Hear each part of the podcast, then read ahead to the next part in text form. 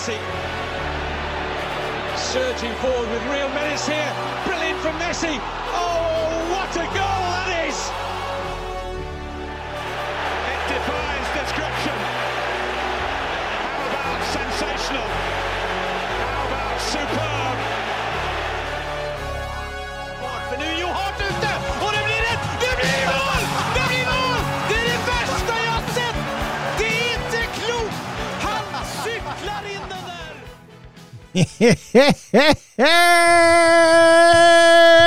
Søren, er du klar? Jeg er klar, jeg. Velkommen til episode 147 av den bonderskjønne wunderskjønne fotballpodkasten 90 minutter. Eh, I dag skal vi ta dere gjennom alt fra Ja, altså Krig til Ja, det var det jeg tenkte på. Hva er det Putin driver med nå? Nei, det er jo helt forferdelig. Det er jo Nei. Nei, det der, der eh, Det der, der Altså eh, Så, så dere den eh, da Jeremtsjuk ble bytta inn for Benfica? Ja. Det var sterkt, altså. mm, Ja, stort det som skjedde på Goodison nå. Det var det. Det var det. Altså Korona har slutta å eksistere, i hvert fall i media. Nå er eh, mediebildet et helt annerledes sett, og egentlig et enda mer skremmende et. Ja, jeg er enig i det. Eh, forferdelig det som skjer der, og Nei, eh, hadde det vært god podkast, skulle vi tatt ett minutts stillhet for det som skjer, men eh, det er ikke god podkast. Vi kan gjøre etter podkasten, kan vi gjøre det? Hadde du, hadde du trumfa gjennom ett minutts stillhet her, da Det hadde vært gøy, da. Så hadde ikke det. Ja, Det hadde i hvert fall vært eh, riktig anledning, da. Ja, det, det, for, for, for det er jo helt forferdelig. Det, jeg kan ikke så, så voldsomt mye om, om det, kjenner jeg. Liksom, liksom aldri egentlig interessert meg veldig mye for den type politikk, da. Det blir litt for langt ute, men de bildene man ser nå, er jo det er jo hjerteskjærende. Ja, og krig, krig er vel er uansett uh, svineri, etter min mening. Uh, så, ja.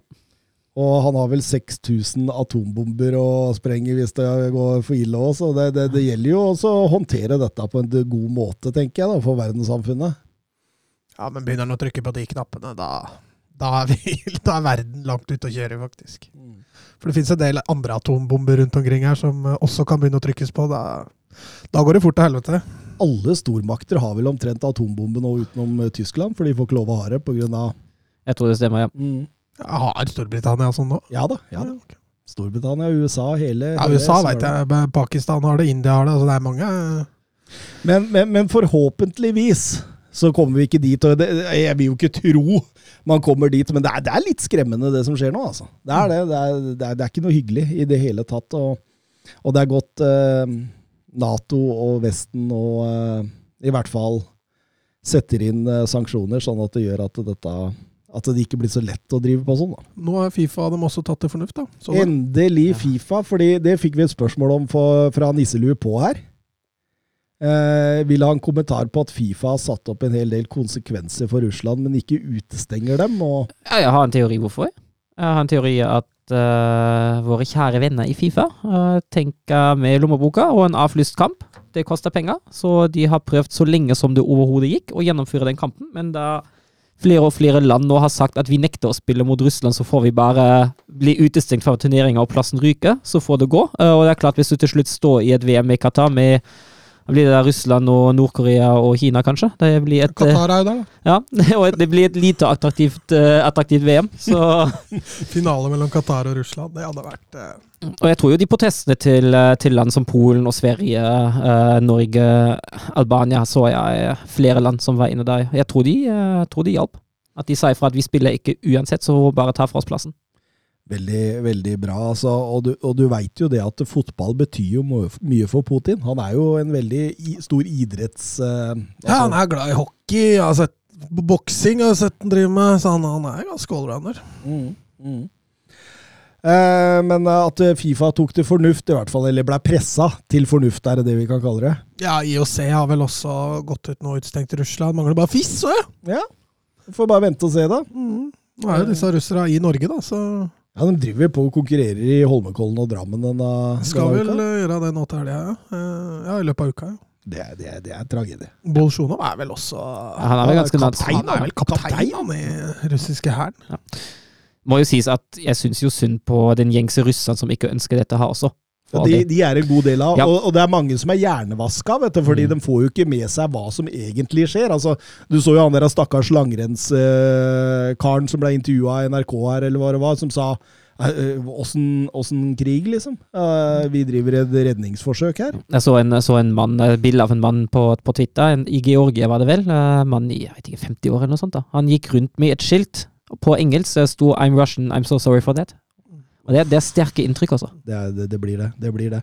Men heldigvis er ikke dette en nyhets- eller eh, eller krigspodkast. Vi eh, Krigspodkasten har det gått nå, da.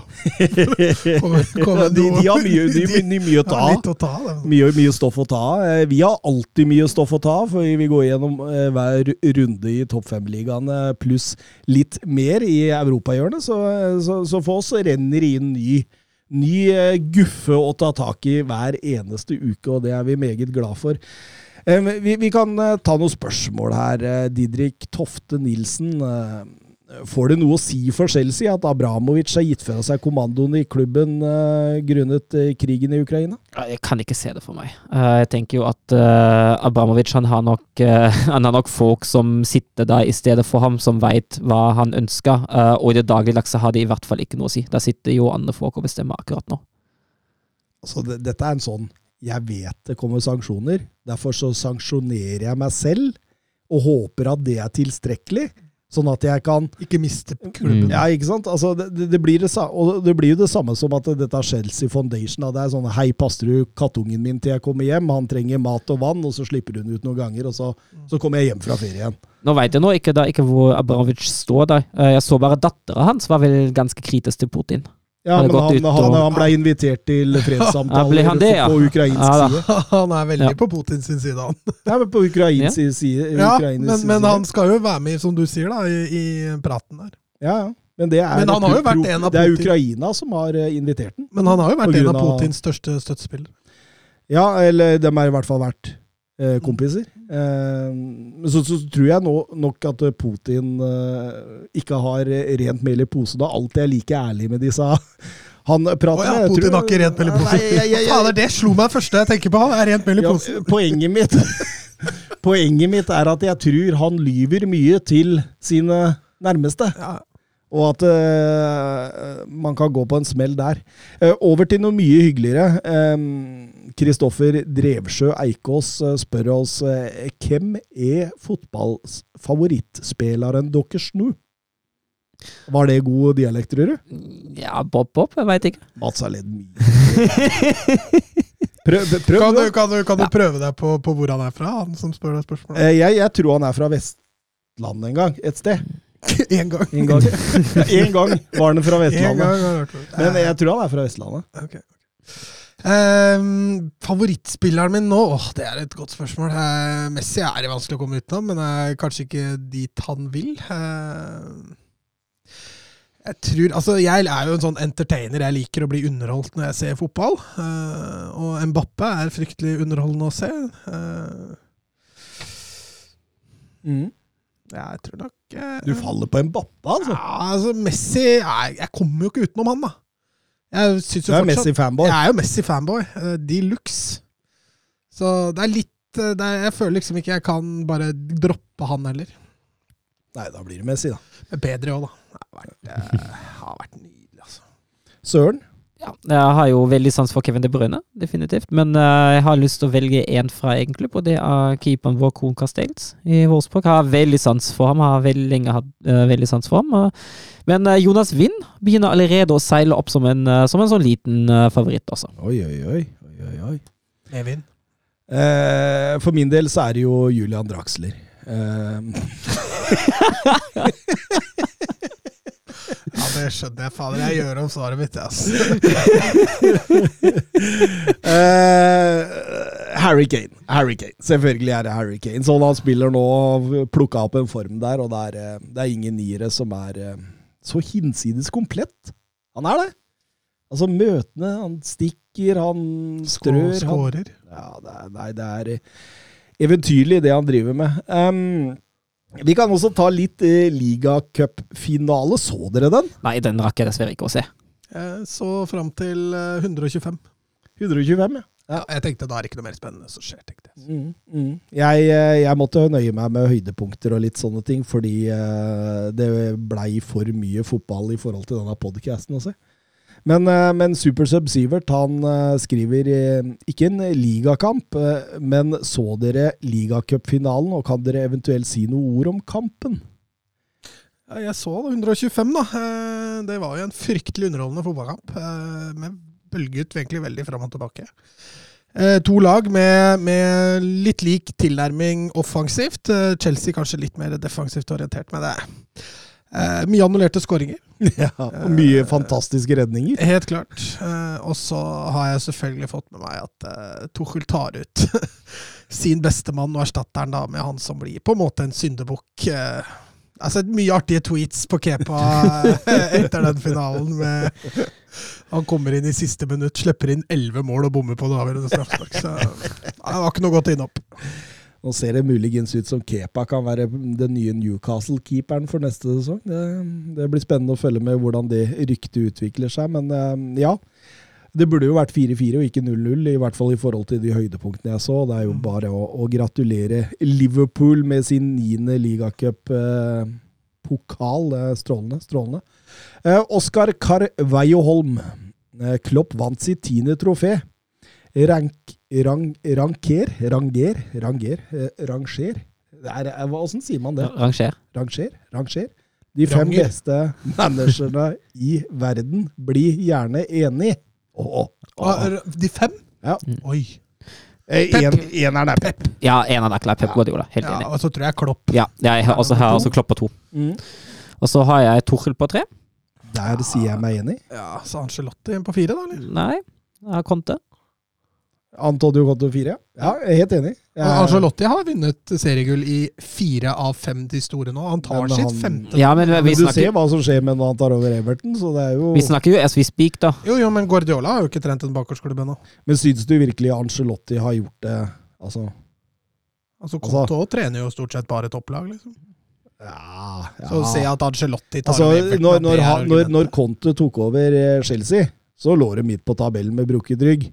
Når eh, han tok over Inter, så hadde ikke Inter vunnet ligaen siden Mourinho var der. Nei, men det var Så, så, et så. Så det, dette her er jo en, en, en vinner som ikke bare tar i, imot uh, topplaga og, og forserer til, eh, til pokaler. Nei, Altså, en Ancelotti Du ser jo liksom på en måte Altså, Han har hatt PSG, ok, han har hatt Chelsea, han har hatt uh, Real Madrid. Og han, han- har vunnet mye, han har det. Men, men så, så ser du han faller igjennom i Everton. Der faller det Ja, igjennom. altså, altså, altså tenk altså Hvis vi ser på hva Real faktisk presterer nå i år Jeg syns ikke det er så overbevisende at han uh, må inn i den lista der, egentlig. Jeg tror han uh, er ferdig i neste sesong. Jeg tror ikke de kjører videre. Altså Ja, de leder serien, men jeg, Ah, Ja, nei, altså, jeg er undertatt. Ikke voldsomt god i, i, i, i, i, i, i bare Napoli L. Ja, der fikk du et brukbart til her, et Napoli. Ja, brukbart til, ja, men det altså Han, han Hvem manager er det som hadde tatt seriegull med Napoli? Altså, I jeg, samme tida? Jeg, jeg, jeg kjørte en liste på ti, og så skulle jeg bli enig om han siste. Han er ikke der engang, for min del. Ja, hvis du tenker antall trofeer, da. ja, men da hadde Mourinho i den debatten Ja, nå. Han skal ikke inn der heller. Nei, Mourinho hadde helt klart vært der med antall trofeer. Ja, ingen tvil om det. Nei, eh, Angelotti er en dinosaur. Det er ikke noe er, Han er ikke blant de fem beste trenere i Men verden hvor mange trenere er det som har vunnet i alle de fem store ligaene? Nei, det er nok ikke så mange. Nei. Og Men når er- Angelotti er ferdig, så har han men gjort det. Hvis eh, Pep Guardiola hadde vært i alle, så hadde jo han gjort det, for eksempel. Og det samme med Klopp og, og, og diverse. Så, Ja, men det tas- bør jo ikke tale mot Angelotti for det. Nei, men det som taler mot imot Ancelotti, er jo tross alt prestasjonene som de har per dags dato, da. Og Ja, i de, altså, de siste jo- åra altså Det hjelper ikke. altså Hvis han var god i, i 2010, skal det ikke ha noe å si for 2022. Men han har jo vært god flere år enn det. Han var jo god i Chelsea. ja, men, Han fikk det jo til i Bayern München. Han fikk det jo til i PSG, med det der eh, maskineriet dem hadde. men med Napoli, Everton og før, før Real Milan. Madrid, så var det jo ikke voldsomt bra. Ja, Milan da Real Madrid første 40 år siden. perioden fikk han jo til. Jo, jo, men altså, hvis, hvis du Ta de siste fem åra, da. Hva er det han har vunnet, da? Det er jo ingenting. Nei, ja, ok, Hvis det er de fem siste åra, så er jeg enig. Og det står jo Altså, her er det jo Vi rangerer de beste managere i verden nå, liksom. Så jeg vil jo ikke, jeg vil jo ikke Altså, Angelotti er ikke på min topp ti engang. Ikke Nei, i nærheten. nei, Greit. Eh, jeg er enig med Sørens topp fire. Eh, så, så altså, jeg er veldig usikker på nummer fem. Ja, den er tøff. For der, der, der er det så mange. Der, jeg, jeg vil blande inn Hansi Flick, Nagelsmann, jeg vil blande inn uh, Simione, Manzini, Pochettino. Uh, mange der, altså mange. Jeg har lyst til å ta Nagelsmann. Jeg har det. Eh, med tanke på utviklingen han har tatt, med tanke på at han stadig vekk jakter etter nyvinninger, eh, og med tanke på at han er ung og fortsatt har så sykt mye potensial. Men, men jeg er skeptisk på at jeg syns ikke vi ser forbedring fra det Flick gjorde i Bayern München. Der er jeg litt skeptisk. Og, og, og samtidig så tenker jeg nå at eh, RB Leipzig spiller jo like bra fotball under Tedesco. Nei, det er jeg ikke helt enig i. Det syns jeg ikke de gjør. Syns du ikke det? Nei, altså Jeg syns Leipzig på toppnivå er like bra. Uh, eller i nærheten. Men jeg syns ikke Leipzig gjennomgår. Altså, nå, nå slet de veldig mot Bochum også til helgen igjen. Men jeg, jeg vil se mer av Nagelsmann før jeg liksom på en måte blander han oppi der. Eh, at han Og dere klarer sikkert å overbevise meg om at vi skal ha ham på lista, for han, han er jo close. Han er jo topp ti. Men hvem hadde du på femte, da? Eh, jeg, jeg har faktisk Hansi Flikke. Det han ja, gjorde kan- med ja. München der, eh, det er så enormt. Jeg kan, gå med, jeg kan gå, faktisk gå med på det nå. Ja, men jeg, jeg syns Bayern München var enda bedre under Flick enn det har vært under Nagelsmann. Så, jeg, jeg, jeg, jeg, så er jeg litt Flick-fan. Jeg er litt Ja. Flick-fotballen. Jeg syns den, den er strålende, men Flikkvenn? Å, Hæ? Du er en flikkevenn? Jeg er en Flick-venn, ja. Ja, men jeg kan gå med på flikk òg. Den eh, Hva tenker du, Mats, om den femteplassen, i så fall, hvis du har blitt uh, er Angelotti? Eh, nei, nei, det har jeg gitt opp. Det går ikke. Nei, altså, jeg syns jo Simione har vist altså Den sesongen her har vært under paret, selvfølgelig. Jeg syns jo ikke Nagelsmann Han har jo ikke vunnet noe stort ennå. Eh, Har jo ikke fått inn noe, fått noe ennå. Eh, Så hvis det er de det står mellom, så må det nesten bli flikk for min del òg, tror jeg. Mm. Veldig, veldig bra. Da har vi en liste på Guardiola, Klopp, Tuchel, Conte og Flikk. Og det, Mye Det er en god liste. Mye tyskere, det, Ja, mye, Ja, det er tre av fem ja. tyskere. Og en fire av fem er aktive i Premier League. Ja, det er faktisk også, Mm. når man ser på her. Og så tror jeg Savik kan komme etter hvert, Mats. Gjør han ikke? det? jo. Vi får se. Det er imponerende, det han driver med nå. Ja, gøy nå. Vi går over til uh, ukens eh, Premier League.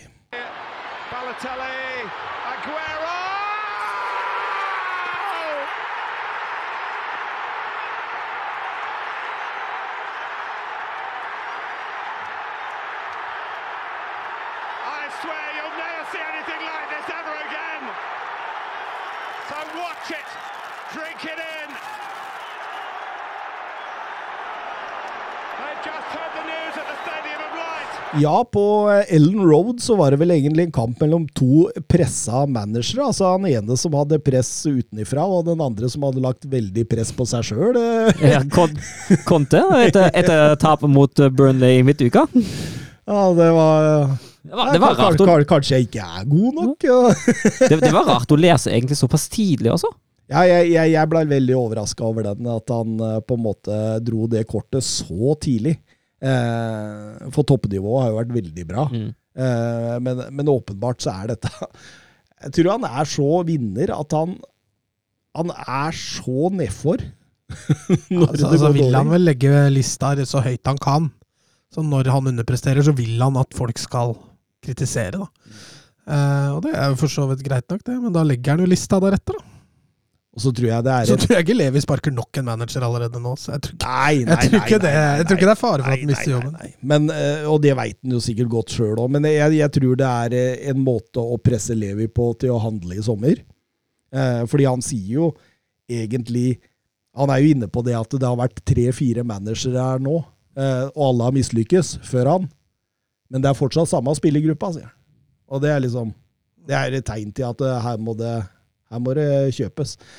Men um, det var ikke så mye den første halvtimen som tyda på at Tottenham trengte å kjøpe så mye, men de fikk vel mye gratis òg. Ja, altså, de var fryktelig effektive, eh, det skal sies. Men det er mye fine kontringer der, og gode enkeltmannsprestasjoner. Um, og det er litt sånn der Leeds skyter stang ut, da, så går det inn for Tottenham. Og jeg følte litt sånn første, for det var Altså 3-0 til Tottenham etter når det var en halvtime der. Det kunne fort også vært 3-2, til for å si det sånn. Så Tottenham var effektive. Leeds eh, ser du sliter nå, altså. Ja, altså det, men forsvarsspillet til Leeds, altså.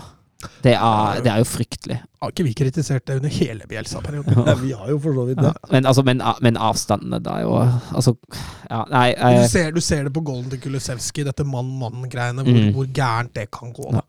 Altså Der er det to mann som kan ta ball, men som heller følger mann enn å ta fra Kulusevski ballen. Mm. Så det der er, det er, det er, det er så tydelig på den skåringa. Mm. Da har allerede Tottenham tatt ledelsen 1-0 med Dorothy, til, til noens overraskelse. Um, Cézinho med assisten på den. Mm, er, den, er- den er fin. Den Ja. er fin. Eh, så setter Harry Kane 0-3.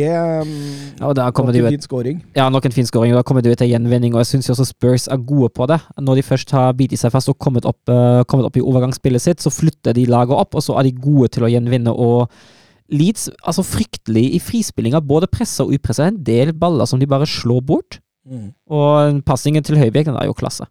Den er klasse. Uh, Harry Kane sitt 239. mål for Tottenham begynner å nærme seg Jimmy Greaves nå, som klubbens eh, toppskårer gjennom historien. Jeg tror Greaves stoppa på 266, så det Jeg rekker nesten å ta den rekorden før den går til City. da. Ja, vi får se, vi får se. Men, det- men, men det la jo føringer. altså Selv om Hugo Loris utover i annen omgang der prøver å gjøre det spennende, så, Ja, han prøver skikkelig, faktisk. så, så Det frisparket til Rafinha når han skyter i stanga der. ja. Og Loris bare 'Den har jeg kontroll på!' Det og så går de stang ut! Jeg hadde ikke kontroll. vet du. Men istedenfor at Stuart Dallas setter 1-3, så setter uh, Hung Min Son inn 0-4. Og, og da skjedde det en rekord. Ja, da var det sånn, og Kane var vel duoen som hadde, pres- eh, som hadde produsert mest, flest mål i direkte samspill med hverandre i Premier League. Gikk forbi Drogba og Lampard. Drogba og Lampard der, ja. Eh, Men de har gjort det på seks sesonger eller noe sånt. Drogba Lampard brukte vel ni. Mm. Ja, det var noe sånt noe, fordi det fikk vi fra Petter Støvland her. Han spør eh, dere må stoppe et minutt og hylle Son og Kane. Komboen har gitt mest mål i Premier League-historien. Seks og en halv sesong på å slå det Drogba Lampard gjorde på ni. Ja, hull, hull, altså. Men eh, det, er- det er ikke så forbausende, for hvis man ser på de to spillertypene der, så er de ekstremt komplementære. Med tanke på at Kane er, er god som møtende, og sånn er god i bakrom, og sånn har en god innleggsfot, og Kane er god i boksen, og samtidig er begge de to ekstremt gode avsluttere. Så det, det, er ikke, det er ikke rart at det skjer med de to, men eh, for altså, hull, hull, det skal jeg ikke ta fra dem noe som helst. Og så skjer det i en spillestil som passer, Mm. passer dem bra, da. Eh, jeg nekter å tro at de hadde fått til det samme i Burnley, liksom. Med, altså Med tanke på spillestilen, da. Men du ser jo de andre duoene som ligger på den lista. Så er det Ari og Pires og, og Drogba Lampard og eh, Jeg husker ikke resten der, men det, det er jo topplagsspillere. Så det, det, du, du kan jo på mange måter si at eh, på den topp fem-lista jeg så, i hvert fall, da, så er jo Son og Kane de to som også spiller på det svakeste laget Mm. På denne lista. Og det gjør jo bare enda mer fantastisk at de har gjort det på seks og en halv sesong. og det, det, er jo, det er jo telepatiske evner der skjer noen ganger. De slår blindt. De kjenner hverandre. Så det, det, det er helt, helt strålende. Eh, Leeds har dermed sluppet inn 10 på sine siste to og 20 i hele februar, noe ingen har gjort i toppdivisjonen siden Newcastle slapp inn 21 tilbake i april 1986. Ja, men april er så lenger enn februar. det er noen flere dager å ta av deg, altså. Og Leeds er det eneste laget i Premier League-historien som taper med pluss tre mål fem strake kamper på rad, siden Sunderland gjorde det i 2005. Så dette er grusomme, grusomme Ja, fikk jo konsekvenser òg, da. Mm. Ja, det, de gjorde jo det. Det fikk jo konsekvenser, dette her, fordi eh, det var en eh, manager som måtte forlate. Ja. Bielsa fikk, uh, fikk fyken. Ja. Vi snakka vel litt om dette i forrige podkast. Jeg var litt overraska når de Ja, jeg, òg. jeg, jeg jeg gikk jo ut forrige uke og sa at jeg ikke tror at han får fyken selv om de rykker ned. Men jeg tror han trekker seg sjøl. Men eh, ja. Det var det, men det var sånn det gikk ut å begynne med, at han hadde Mhm. trukket seg. Ja, men det- det kom vel fram litt seinere at han hadde fått eh, sparken. Ja, jeg, jeg, jeg blei litt overraska her nå, fordi eh, jeg satt jo og skrev ned de spørsmåla her inne i mitt manus, men det var plutselig borte. For vi fikk noen Bjelsa-spørsmål, skjønner du. Ja. Eh, Geir Halvor Kleiva, blant annet. Uh, det jeg virkelig lurer på, er hvem i all verden skal ta over for Bielsa og reise kjerringa med den troppen, og sette inn en type som Allardyce, vil vel bli fullstendig krasj. Ja, det vil det. Nå er det jo, nå jo rykter rundt uh, Jesse March. Uh, han fikk det jo ikke til i Leipzig, men jeg tror stilen hans kan passe til Eliteserien ganske godt. Uh, jeg føler at altså, man, trenger, man, trenger, en som har litt energi, man trenger en som har litt framgangsmåte. Uh, gjerne en som, som formidler høyt press og kjapt spill. Uh, og jeg tenker at det er jo egentlig Soneforsvar.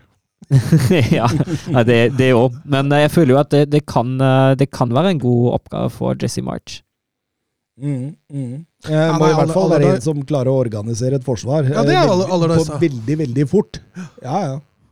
Nei, Det er ikke umulig at Allardyce kunne vært mannen. altså. Jeg, altså. Gå fra Bielsa til Benitez eller Allardyce, da. da ja, det, det, det, er jo kultursjokk, men altså, er det noe de to managerne kan, da, så er det sette et raskt forsvar. Så Du veit aldri, men, men, en Jesse Mars, det er, det er, spennende. Men det er også dristig. Det er en risiko. risiko. Det er en risiko, definitivt. Um, Jonathan Hobber, hva har gått galt for Bielsa denne sesongen i forhold til sist? Uh, var vel bare én utvei slik Leeds spiller om dagen? Ja, Det er vel mest det defensive det har gått på. Jeg føler at med Biel Skader. skader. Ja, det, det er voldsomme Men jeg, jeg, føler også med Bielsa, med den, med den typiske spillestilen for Bielsa, som han tilpasser ganske lite Når du har funnet ut av det deg, når du har dechiffrert Bielsa, da går det til helvete. Særlig defensivt. Og han fikk jo spørsmål også om han ville forandre seg, og det var liksom my way or mm. no way. Ja, og så er det litt sånn som du sier på da, skader har jo selvfølgelig mye å si, men, men det er jo litt sånn når du, når du, med den spillestilen kommer inn i en dårlig trend, så er det vanskelig å snu den med et skadeskutt mannskap. altså. Mm. Uh, ja, vi til og med brukt han der Gjelde junior uh, og sånt. altså det, det, det hadde vært spillere man knapt nok har kjent navnet på, som har dukka opp på både førsteelver og, og innbytterbenk. De har, de har slitt. Mm. Eh, vi går over til ManU mot Watford. Det var et Manchester United-lag som stanga og stanga og stanga og stanga. Men, ja, men offensivt så var jo dette ja, det mye artigere ja. enn på lenge. Det er klart Nå møter de et lag som ligger godt plassert ned på, ned på tabellen, men eh, Allikevel, dette er også laget United har slitt imot i år. altså Sånn, sånn uh, forsvarskontringslag. Ja, jeg, jeg, syns, uh, jeg syns det var løpende inn i boksen. Uh, det så veldig bra ut. Syns Ja, og så var det flere løp. Ja, altså, ja det, er, det, var, det er akkurat det. Det var noe helt annet med, med, med de flere bevegelser av gangen. Og så var det nesten så det var litt plan over det. Syns ja. nesten ut som det var noe de prøvde på og trente på. Ja. Og så syns jeg, jeg, etter hvert også at gjenvinningsspillet blir, blir, bra. Det er jo nesten ingen kontring av Watford High. Nei, absolutt. Så, og, så, og så er det jo klart, eh, når de to portugiserne framme bare bommer så mye som de gjør, da er det vanskelig å vinne kampen.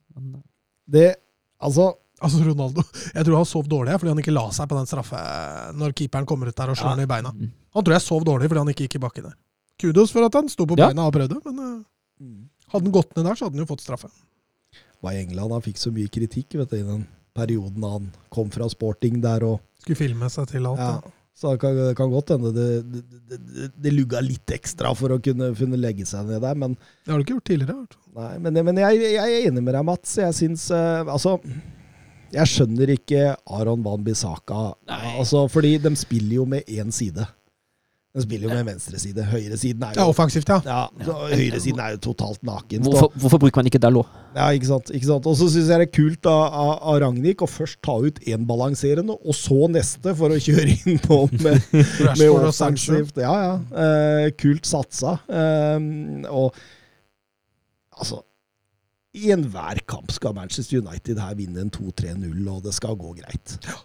Ja, men altså, de, de er jo mak. Du ser det innlegget der som Ronaldo egentlig står og header på blank, som han tror han foran skal ta, og så ender det opp med at han treffer han, og, og Foster klarer å redde han av. Men altså, det, er, det, er, litt sånn match, da. Du ser den headinga til Bruja kommer. Altså, den, den, er ellevill, den redninga til Ben Foster der, når mm. Bruno Fernandes kommer aleine med keeper. Mm. Så jeg, jeg, er jo helt enig med deg. Altså, det er sjelden de kampene her ender 0-0. altså. Ben Foster, som er eldste motstanderkeeper som har uh, holdt nullen på Old Trafford siden uh, Ja, nei, gjennom, uh, gjennom, alle tider, faktisk. Ja, Imponerende. Det tok David Siemens sin rekord der. Oi. Mm. Så, så, og, og, og, spilte jo en fantastisk kamp, og det Nei, det er, det, er, det er ikke så mye annet å si enn at denne vinner man ni av ti, og så får man én av ti. Jeg tror man vinner oftere enn det. Ja, så, så, så, det, det bare ikke vil inn. Um, Steffen Hansen på Twitter, eh, Torstvedt, eh, sa i studio at Ronaldo er ferdig som en av verdens beste angripere. Er det et statement med to streker under? spør Var ikke vi litt innpå det Ja, siste? men jeg er, jo- jeg er helt enig. Han er, han er jo det. Altså, jeg har han ikke på min, eh, på min toppliste over verdens beste angripere, hvis jeg må sette de opp spontant nå. Han er ikke, i hvert fall ikke blant topp fem, og kanskje ikke på en topp ti engang. Nei, nei. Men, men altså, jeg tror jeg sa det sist, i hvert fall, at, at han kommer jo til å skåre noen mål til.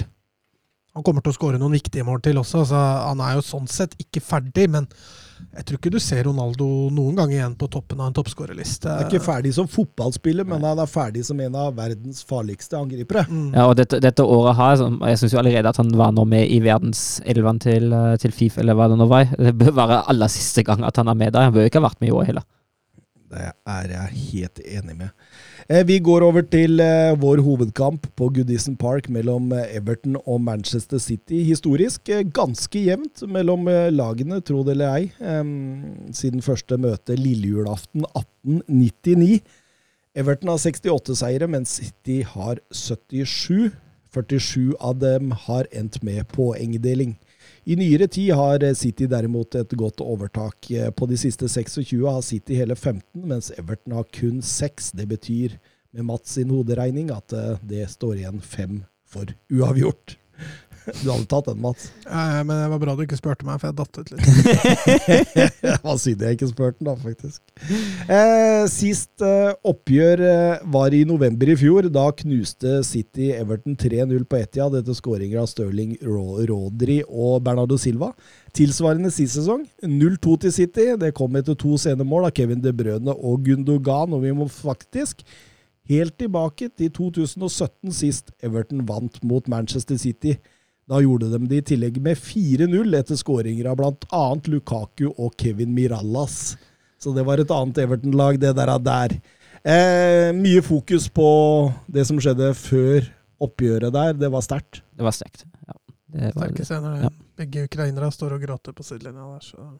En nydelig hyllest der hvor de kommer ut med flagga og Ja, så står jo alle spillere med, med, med ukrainske flagg. Og, så det er klart, det, det, det gir en litt annen, et litt annet inngang på kampen. Da. Eh, Og når da du ser Zinchenko og Mikolenko står og gråter, så, så fotball blir liksom litt mindre viktig. Da. mm, mm, Helt klart.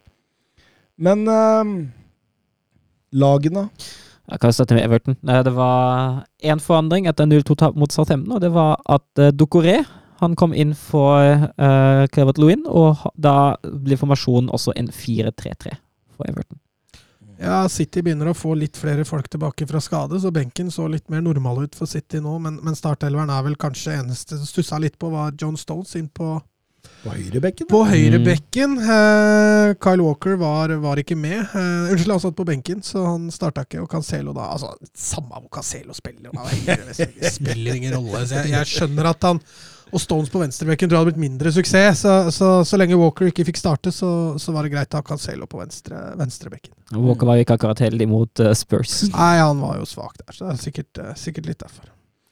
Um, når vi skal begynne med kampen her eh, Jeg vil ikke si at Manchester City klarer å få satt inn dette Manchester Det var mye entusiasme i Everton. Mm. Det første som slår når du ser den kampen, er at det var, det var mye vilje der. Eh, og det ser du litt med den midtbanen pluss Gordon. det er, der er det mye entusiasme. Mangler bare en Tom Davis, og så hadde du hatt, uh, hatt uh, mye aggressivitet der. Og det, det er litt det de må gå inn for. Uh, Everton prøver å variere presset sitt allerede til å begynne med, men i det høye presset syns jeg City klarer seg greit. Det er når de må litt lavere at Everton stresser litt mer. Ja, og så er jo City, som du, altså, som du sier, Thomas, de er jo ikke akkurat i høyt press, men jeg syns de er tålmodige, i hvert fall. Eh, uh, syns de, de leter hele tida etter vei gjennom. eh, Det får de, det får de ikke til. Uh, Stopper som de så ofte gjør når de har ballen ut på kant, uh, og så er veien inn til boksen. Da finner man ingen å, å spille til. Og Jeg syns det er litt sånn bilde på, på hele første omgang, at City får ballen ut på kant, men ikke lenger. Og de er vel, de er vel inne på det i studiepausen at det var en XG på 0,16 for, eh, for City til, til pause, og det er ekstremt lavt. Ja, det er vel laveste de har hatt på over et år, tror jeg. Um, Donny van de Beek han hadde en ekstra oppgave her, og vi har fått et spørsmål fra Didrik Tofte Nilsen. Tror dere van de Beek følger Kevin De Brøne ennå? Ja, Jeg tror, jeg tror Guardiola ble litt satt ut da, da van de Beek dukket opp i garderoben til City i, i pausen. Ja, for det, det var mannsmarkering, mann. Det var å ta ut altså, Du har én oppgave defensivt i dag. Du har én oppgave. Det brødet skal ikke få servere.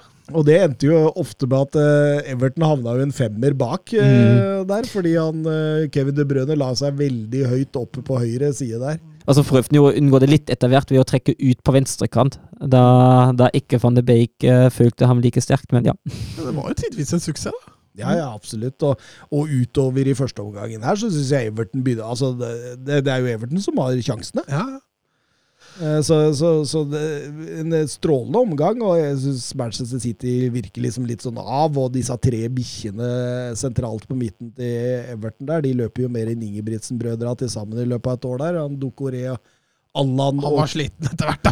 Han, eh, der hang tunga langt etter hvert. Absolutt, absolutt. Men um, eh, John Joe Ken- Kenny har en sjanse der. Eh, Ja, Rikarlison. Det venstrebeinet der er jo like dødt som en rot Ja. i skogen, så Det var litt synd at de ikke hadde en venstrebeint venstrebekk der som kunne gått inn og skutt i. Mm. Men til pause står det fortsatt da 0-0, og, og, og Everton får jo en megasjanse rett ut fra pause der ved, ved Rikarlisson. Eh, kommer veldig enkelt, da, for Allan bare lemper i bakrom der til Rikarlisson, som kommer aleine mot Ederson, og Ederson må faktisk gjøre en god redning. Klasseredning. Eh, 55-60 minutter, er det da Everton, nei, Everton begynner å få kjørt seg litt? Ja, jeg syns City, City blir sterkere og sterkere. Jeg syns jo de begynner å bruke halvrommene mye bedre. Eh, posisjonere seg mye bedre rundt boksen. De har flere anledninger. Da City overlåder den ene sida, og så står det én spiller helt blank eh, på, motsatt, eh, på motsatt halvrom og vender godt ut.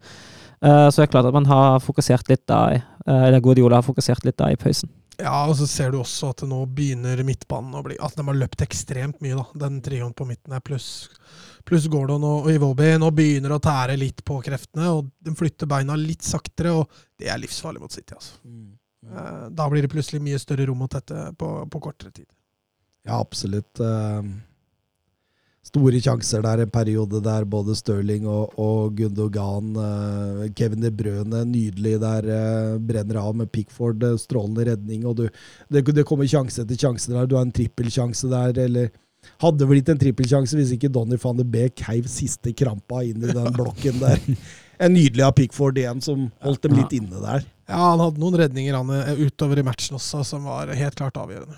Mm. Um, det skjer noe bytter. Van de Beek eh, ut med krampe. Um, Del Alli inn, Gordon ut, Damara Gray inn. og da, da, da satser man jo plutselig litt mer offensivt. Ja, Damari Gray har vel vært ute med skade en liten periode, så matcher handlet forsiktig. Han har jo vært tidvis en liten åpenbaring Everton, så så det var helt klart et spennende bytte å få inn Gray. Deli Alli kom vel inn fordi van de Beek begynte å bli begynte å gå litt tomt i den tanken der. Pluss at eh, Alli får jo ikke samme mannsmarkeringsoppgavene som det van de Beek har. Så det er helt klart som du sier, at eh, Everton går litt for det. Mm. Og det gjorde vel kanskje at eh, Phil Foden setter 0-1. eh, Ja, det Ja, det er jo altså Holgate som, som får Og Keane som slår, slår over ballen, og ja Foden Hva er det han får gjør der, da? ja, ja. Jeg ser, ser ut som han er 100 år. Ja, Ja. altså blir stiv, nesten. Mm. Jeg, jeg, jeg fatter ikke helt sjøl, jeg. Det, det, det er jo bare for å trille den inn. ja. Jeg fikk en, uh, fikk en enkel og takknemlig jobb der.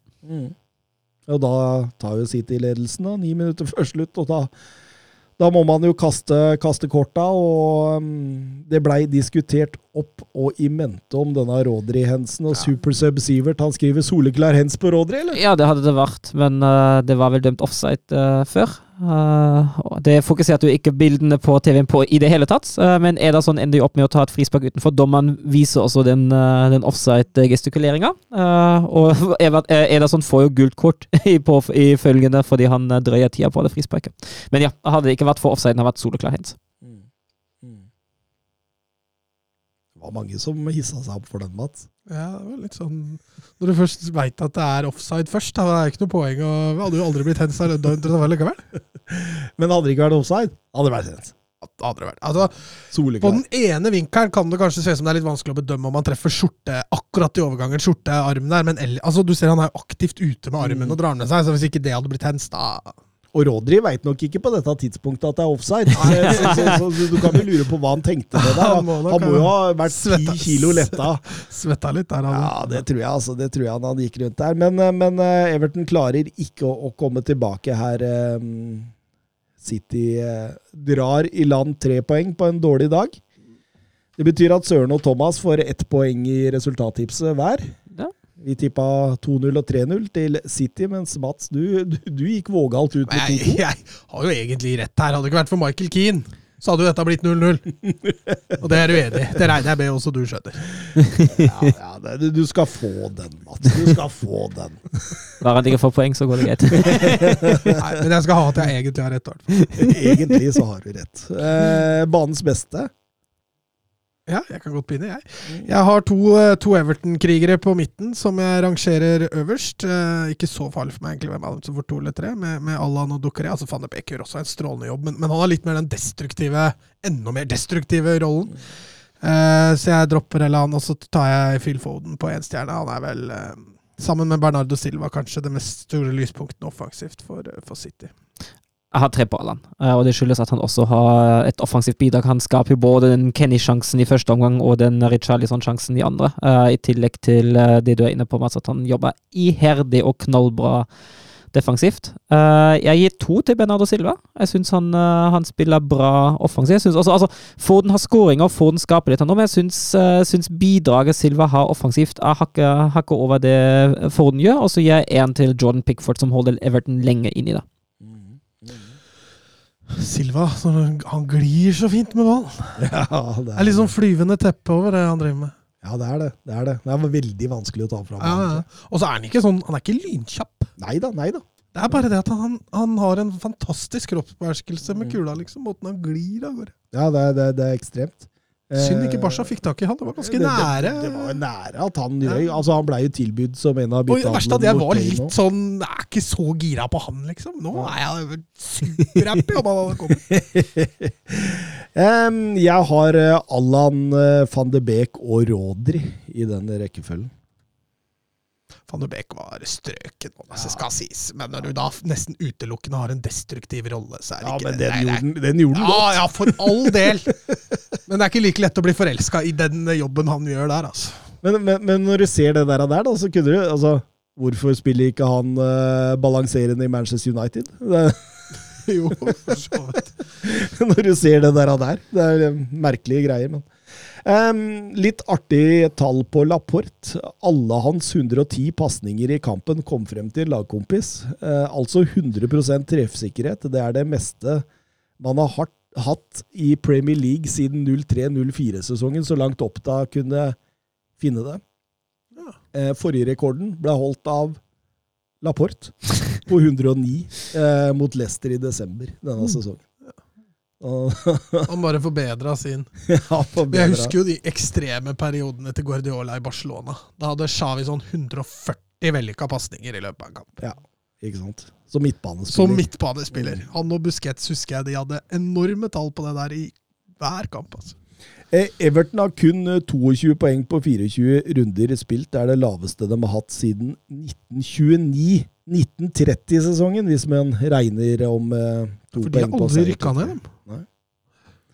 Så det er voldsomt. det er voldsomt. Den gangen rykka de ned, faktisk. eh, Petter Aurseth på eh, Twitter. Eh, var i Premier League. Hvorfor fungerer det så dårlig sammenligna med f.eks. EM i fjor? Men tenker han her på City-situasjonen? Nei, jeg tror jeg tenker på Skjønner mange. Du, du, du drar vel ikke var over én kamp for den der her? Eh, Det jeg føler det eh, Altså Hvis dette ikke hadde vært offside, da, dette blir jo helt tullete, men eh, så føler jeg det hadde representert VAR hvis det der ikke hadde blitt, eh, blitt faktisk. Ja. Men jeg, jeg, tror, jeg tror veldig mye har med den aversjonen uh, mot å gå til skjerm å gjøre. Nå har Premier League blitt, litt, blitt, eh, blitt bitte litt bedre på det.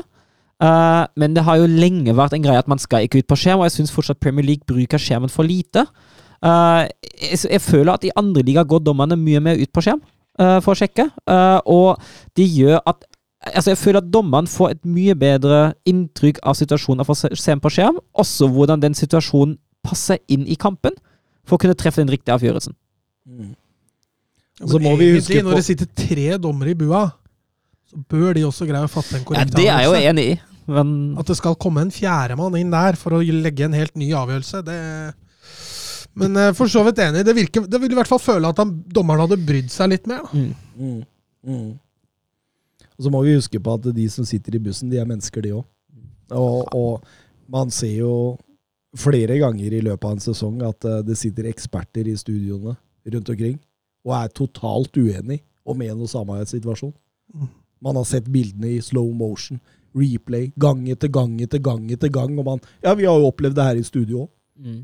Så ah, Sånn så blir det. Det vil alltid være skjønn, da, selv om det er var eller ikke var. Så er det, og det, det, du, du klarer ikke å garantere deg på det. Så det, sånn, er- sånn er det. Um, Premier Men det, er, det, er jo ikke tilf det er ikke helt tilfeldig at det er, ikke fungerer like bra i England. Nei, men det, de kom jo også et år seinere enn de andre. De andre, Ja, men andre Var det ikke ræva i fjor, da? Jo. Ja, men det var bedring i fjor, så derfor ble det ikke så mye lagt vekt på det. Men, men altså, jeg, jeg tror liksom den skjønnsmessige vurderinga ikke alltid blir kritisert så hardt, men det er altså Reglene, rett og slett. Ja, både reglene, definisjonen av reglene, men også eh, at man hele tida har situasjoner å sammenligne med, da. Og det ser jeg veldig ofte. Ja, fordi du- de dømmes forskjellig. ja, ikke sant? Det dømmes forskjellig, og det er skjønnsmessige vurderinger av forskjellige ting. og, og det, jeg Altså, jeg syns jeg, jeg ser mye rar var i andre land. Ja, det er altså, litt det jeg skulle fram til. Det ser jo mye rart i andre ligaer òg, men det er noen situasjoner i Premier League som jeg føler er veldig At de har litt Det er veldig Premier League. Ja, det er veldig. Premier League. Så, så Nei, de, de sliter kanskje bitte litt mer, men eh, for de som følger alle andre ligaer, så ser vi jo det at det gjøres mye rart der òg. Det er ikke perfekt, det systemet der. heller. Absolutt ikke. Vi eh, går Nei, vent, vent litt før du, før du går over. Kan, Ja, kan jeg nå i hvert fall skyte, skyte inn at uh, Kikka nå nettopp meldte at uh, JC March han er klar for Leeds. Oi, oi, oi, på direkten! Det, det er ikke noe club statement ennå, eller? Jeg lurer på, Det er- det er- jeg lurer på, jeg lurer på om det er det. Jeg lurer på om klubben har, har bekrefta det òg. Ja, men det, det, det, er spennende. Det er risikabelt, men spennende. Men det er litt, det er litt Leeds nå, da. Ja, det, klubben, klubben ser ut til å ha bekrefta. Oi, oi, oi, oi. Morsomt, morsomt. Det var en nyhet eh, før vi går over til eh, La Liga. Ja cap a la dreta per Xavi, assistència de Xavi més cap a la dreta per Messi, Messi, Messi, Messi, Messi, Messi, Messi, Messi, immens Messi, encara Messi, encara Messi, encara Messi, encara Messi, encara Messi, encara Messi, encara Messi, encara Messi, encara Messi, encara Messi, encara Messi, encara Messi, gol, gol, gol, gol, gol, gol, gol, gol, gol, gol, gol, gol, gol, gol, gol, gol, gol, gol, gol,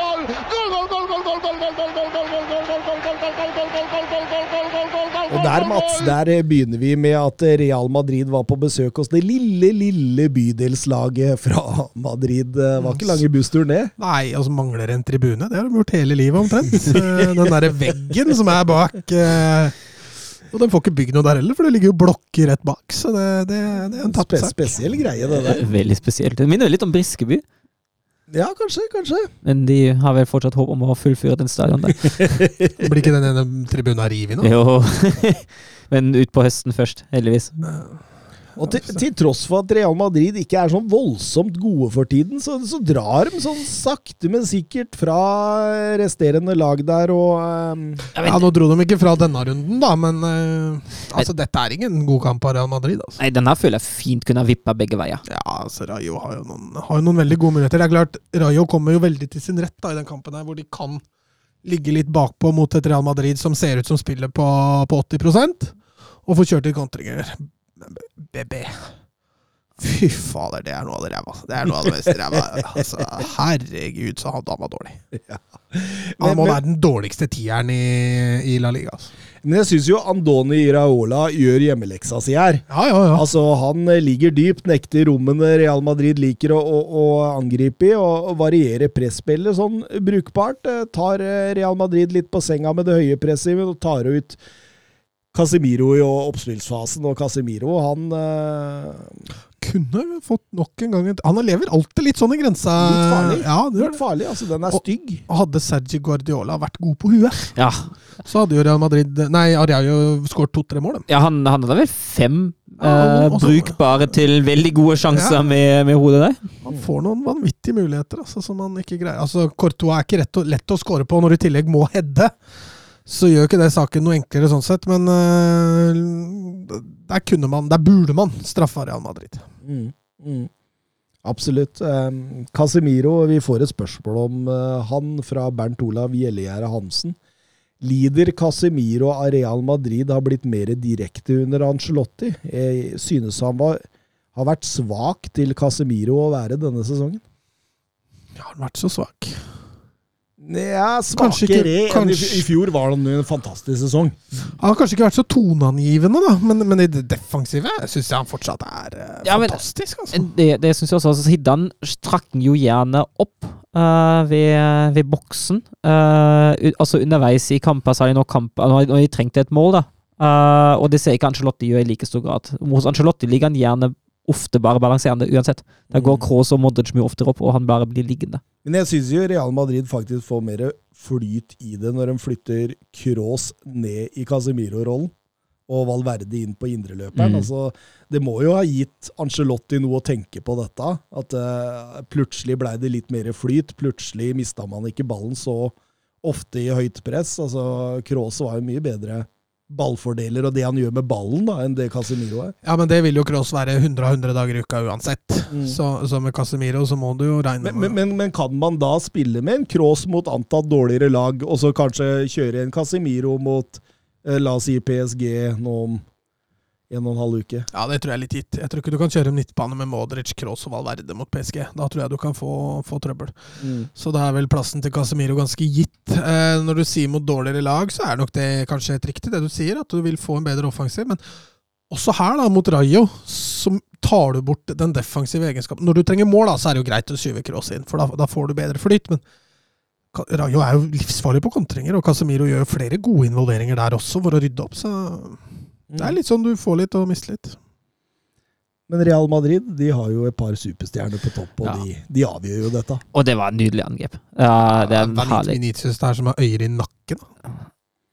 Tenk deg den avstanden eh, Benzema må oppleve på Venitius i forhold til uh, han er eh, mot oss, ikke spill til han.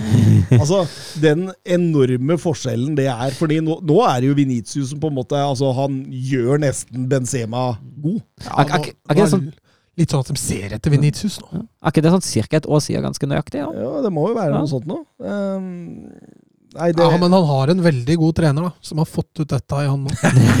Ancelotti, ja. ja. Men han hadde trykka på noen riktige knapper der. Det må han ha gjort. Ja, det er jo ingen For Zidane var jo ikke i nærheten av å få ut dette av Vinicius. Nei, absolutt ikke. Altså, enten Venitius eller Benzema har vært direkte involvert i 77 av alle Real, 77 av alle Real Madrids mål denne sesongen. Ja, jeg, jeg synes jo, altså Nå var jo den kampen her et dårlig eksempel på det, men jeg syns Real Madrid altså var klart svakere uh, når en eller begge to av de ikke spiller. Jeg syns man ser det i hele det offensive, at det, det, det glir ikke like godt, det fungerer ikke like godt, og det er vanskelig å komme til sjanser. Men det ser du også at det, det mangler også tredjemann. Mm. For eh, nå har Ascencio skåret noen fantastiske mål, og viktige mål. Ja, og var egentlig den beste offensive spilleren deres, i hvert fall i en time i denne kampen her. Ja, men eh, avstanden for, mellom Ascencio og Benzema Vinicius, den er fortsatt veldig stor. Kvaliteten der Ja, ser du er ganske stor forskjell. Eh, og det, det merker man jo når med en gang da Benzema Vinicius, så må de ned enda en hakk. Og Hazard har jo ennå ikke fått til dette her, så Og Rodrigo venter vi også på skal slå gjennom, så det, så det er litt avstander der, altså. Sånn ferdighetsmessig. veldig avhengig av disse to nå. Så Ja, og Modric. For en spiller. Mm. Fy fader, de utsidepasningene hans, det er fotballgodteri hver gang, altså. Og han er jo 55 år snart. Ja, han er vel Han er nesten han er godt over halvveis dit, i hvert fall. Hvis mattekunnskapene mine stemmer nå. Eh, Modric, Søren, har du noe ord å si om den? Nei, det er en herlig fotballspiller. Jeg gleder meg hver gang jeg skal se Real Madrid for å se Modric. Altså, det, det, altså, han er jo nesten verdt å se en Real Madrid-kamp. Denne elegansen, denne tryggheten, er en herlig fotballspiller, rett og slett. Deilig, deilig. Um, jo Dette var den sjette matchvinnerskåringen i La Liga for Benzema. som gir Real Madrid altså tre poeng. Altså Det er 18 poeng levert på sølvfat av Benzema. Det, det er mest i La Liga. Eh, 18 poeng, Mats. Hadde det ikke vært for Benzema, da, så at, kanskje at, Barcelona hadde men- vært oppi der. Er det ikke bare tolv? Altså Hvis han går fra uavgjort til seier, så er det to poeng. Oh, jeg, jeg tenkte ikke på den. jeg. Jeg Du greide ikke, du greide ikke å regne det ut, det var det som var problemet. Men Ja, men fortsatt, poeng, da. Fortsatt imponerende. Ja, det er, Ja, det, er- da hadde jo Barca vært oppi Hvis Barca vinner hengekampen sin, da, så hadde vi vært av poeng med Real Madrid. da. Mm. Um, Det hadde ikke hjulpet, altså. Vi hadde fortsatt leda med mye. Jørgen Be Ready, han kjenner vi til.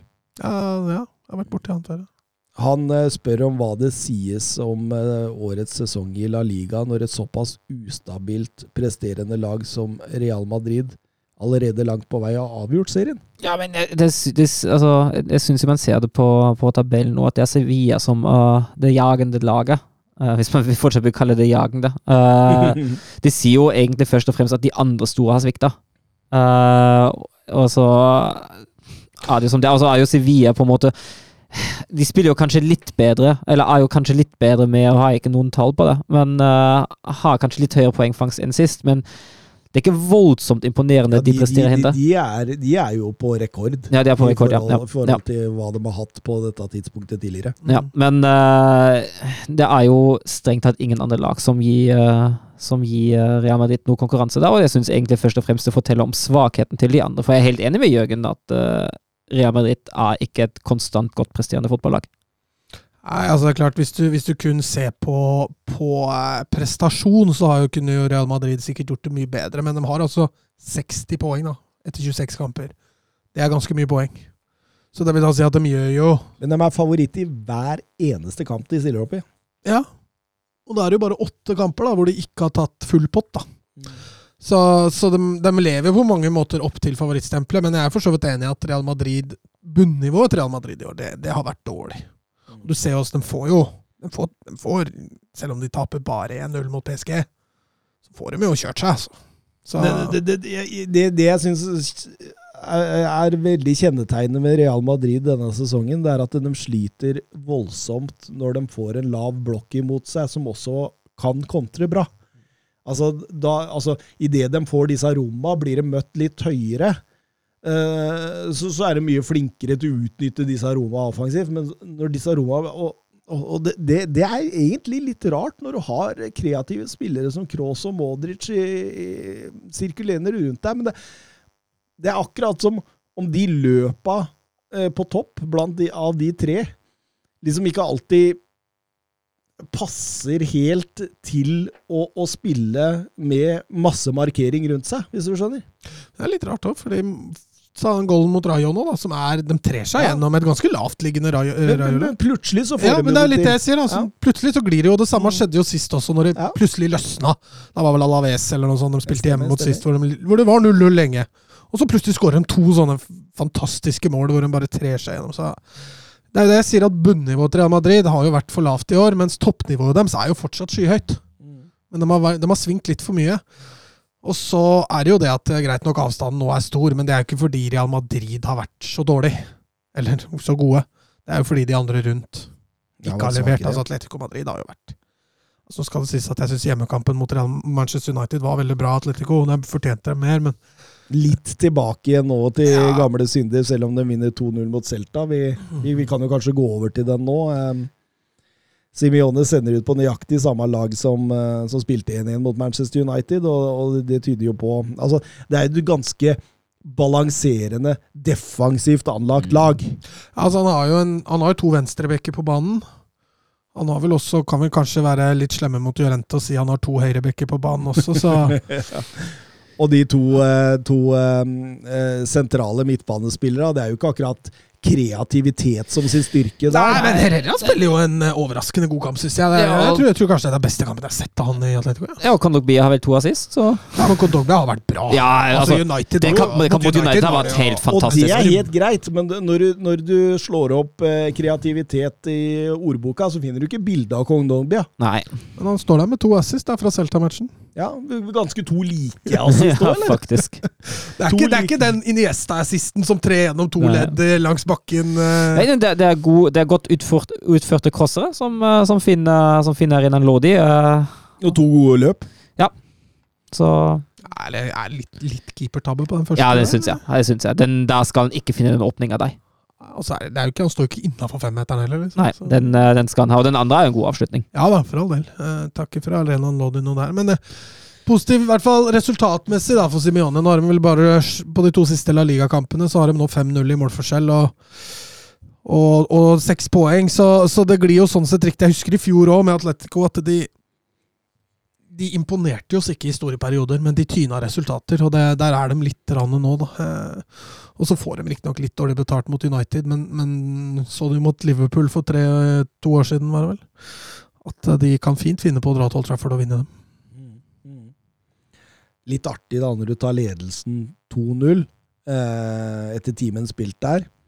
Og så slenger du inn på Carasco, Rodrigo de Paul og Grismann, og litt seinere Lemar og Suárez. Du, du, du slenger i som på en måte alle de Altså med høyest toppnivå offensivt, da. Mm. eh, på en og samme gang der. Og, og, det, det, det, var jo litt morsomt at de bytter. Altså, de, han gjør egentlig stikk motsatt av hva veldig mange gjør. Altså, normalt man sett skulle han bytta en Godin og sånn, han der. ja, ikke sant? ikke sant? Det er jo det han ofte gjør. Så, så, så Ellers så smeller han inn på hele arsenalet på 2-0. Liksom. Er- Han er en uberegnelig trener. Men jeg tror også han får litt tynn, for det har vært noen seriøse rykter nå om at Atletico faktisk ser seg om etter ny trener. Så det var stagnert litt. da. Ja, det er litt det som er greia, at de har gått seg litt inn i et spor her. Så Simione må kanskje må kanskje utvikle seg sjøl lite grann hvis han skal eh, få, dette, få lov til å jobbe videre med dette. Mm, mm. Men han har liksom, jeg tror det er liksom det som sitter igjen i han, det er det Champions League-gullet. Han har mista to finaler. Han har jo vunnet La Liga flere ganger, har vunnet cupen, han har vunnet super, supercupen. Altså. Det er bare den Champions League. Jeg tror hvis han vinner den, tror jeg han er ferdig uansett. Ja, da går den ut. Da, da legger han opp. Legger han opp. Eller prøv et nytt prosjekt. Ja, kanskje. Og hva hadde vært det perfekte Simione-prosjektet nå etter Atletico? Må vel ta over etter Mourinho, da.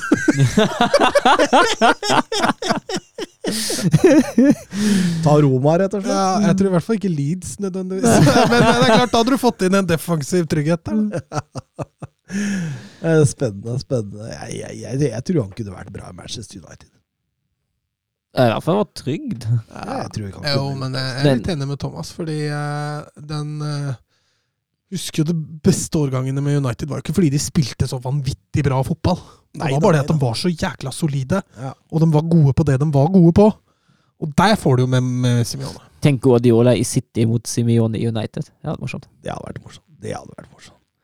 Eh, men men som, som du, er, du er så vidt litt inne på det, Mats, at det er, det er jo ikke noe kamp de skal vinne dette her i forhold til eh, spill og sjanser. Nei, det er litt sånn som Osasona sist. Eh, der 0-3 til Atletico var egentlig ganske flatterende. Eh, Celta og Aspas har jo flere gode muligheter. Aspas som klager sin går og viser fra. Det er sånn barn gjør, har du sett det? Når de får vondt. Se, jeg har jeg, har, jeg blør, jeg blør! Nei, det er litt funny når fotballspillere gjør det. Klager til dommeren. Eh, men Aspas hadde også flere muligheter. Santimina burde også ha skåret. Det var, det var litt tur at de også i hvert fall holder nullen. En liten quiz. Hvem er siste forsvarsspiller? Altså Nå spilte ikke han forsvar i denne kampen, men han er jo satt opp som en forsvarsspiller. Eh, Renan Lodi. Når er sist en forsvarsspiller skårte to mål i La Liga? Sist? Det var Ja, sist? hvem, hvem, hvem var siste nå? Åh, Nacho? Nei, det går an å tenke seg, da. Uh, det var ikke Jodi Alba? Nei. Nei. Nei vet du, kan du gi oss et hint, da? Ja, han spiller ikke i La Liga nå. Hvilket lag spilte han for Atletico? Eh, nei, han spilte for Real Madrid. Så det var Sergio Ramos, da. Ja, selvfølgelig. Mot Malaga i januar 2017. Var sist Det en stund siden, da. Mm. Um, El Gran Derby, Mats. Det var litt rart ikke dere kom fram til det som hovedkamp, egentlig. Eh, vi fikk ikke noe motbøy. Altså, jeg var Ja, men Dere hadde begynt å tippe resultat før jeg hadde lest meldingen. ja, jeg du, er, du, er, du er alltid litt treigere enn oss. Ja, men jeg, er, var på, Både på inn i studio og altså, det, altså, jeg var på hytta her, så jeg hadde jo ikke dekning. vet du. du, du er stort sett ja, men, men altså Alt gjør jeg og Søren raskere enn deg. Dere, jeg har sagt det før, dere har en fryktelig uvane å sende mens jeg kjører bil eller et eller annet, så jeg ikke får svart.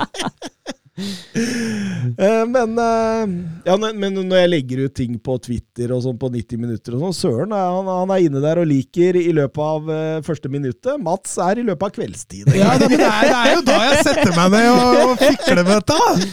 Men, men, men en veldig, veldig morsom kamp.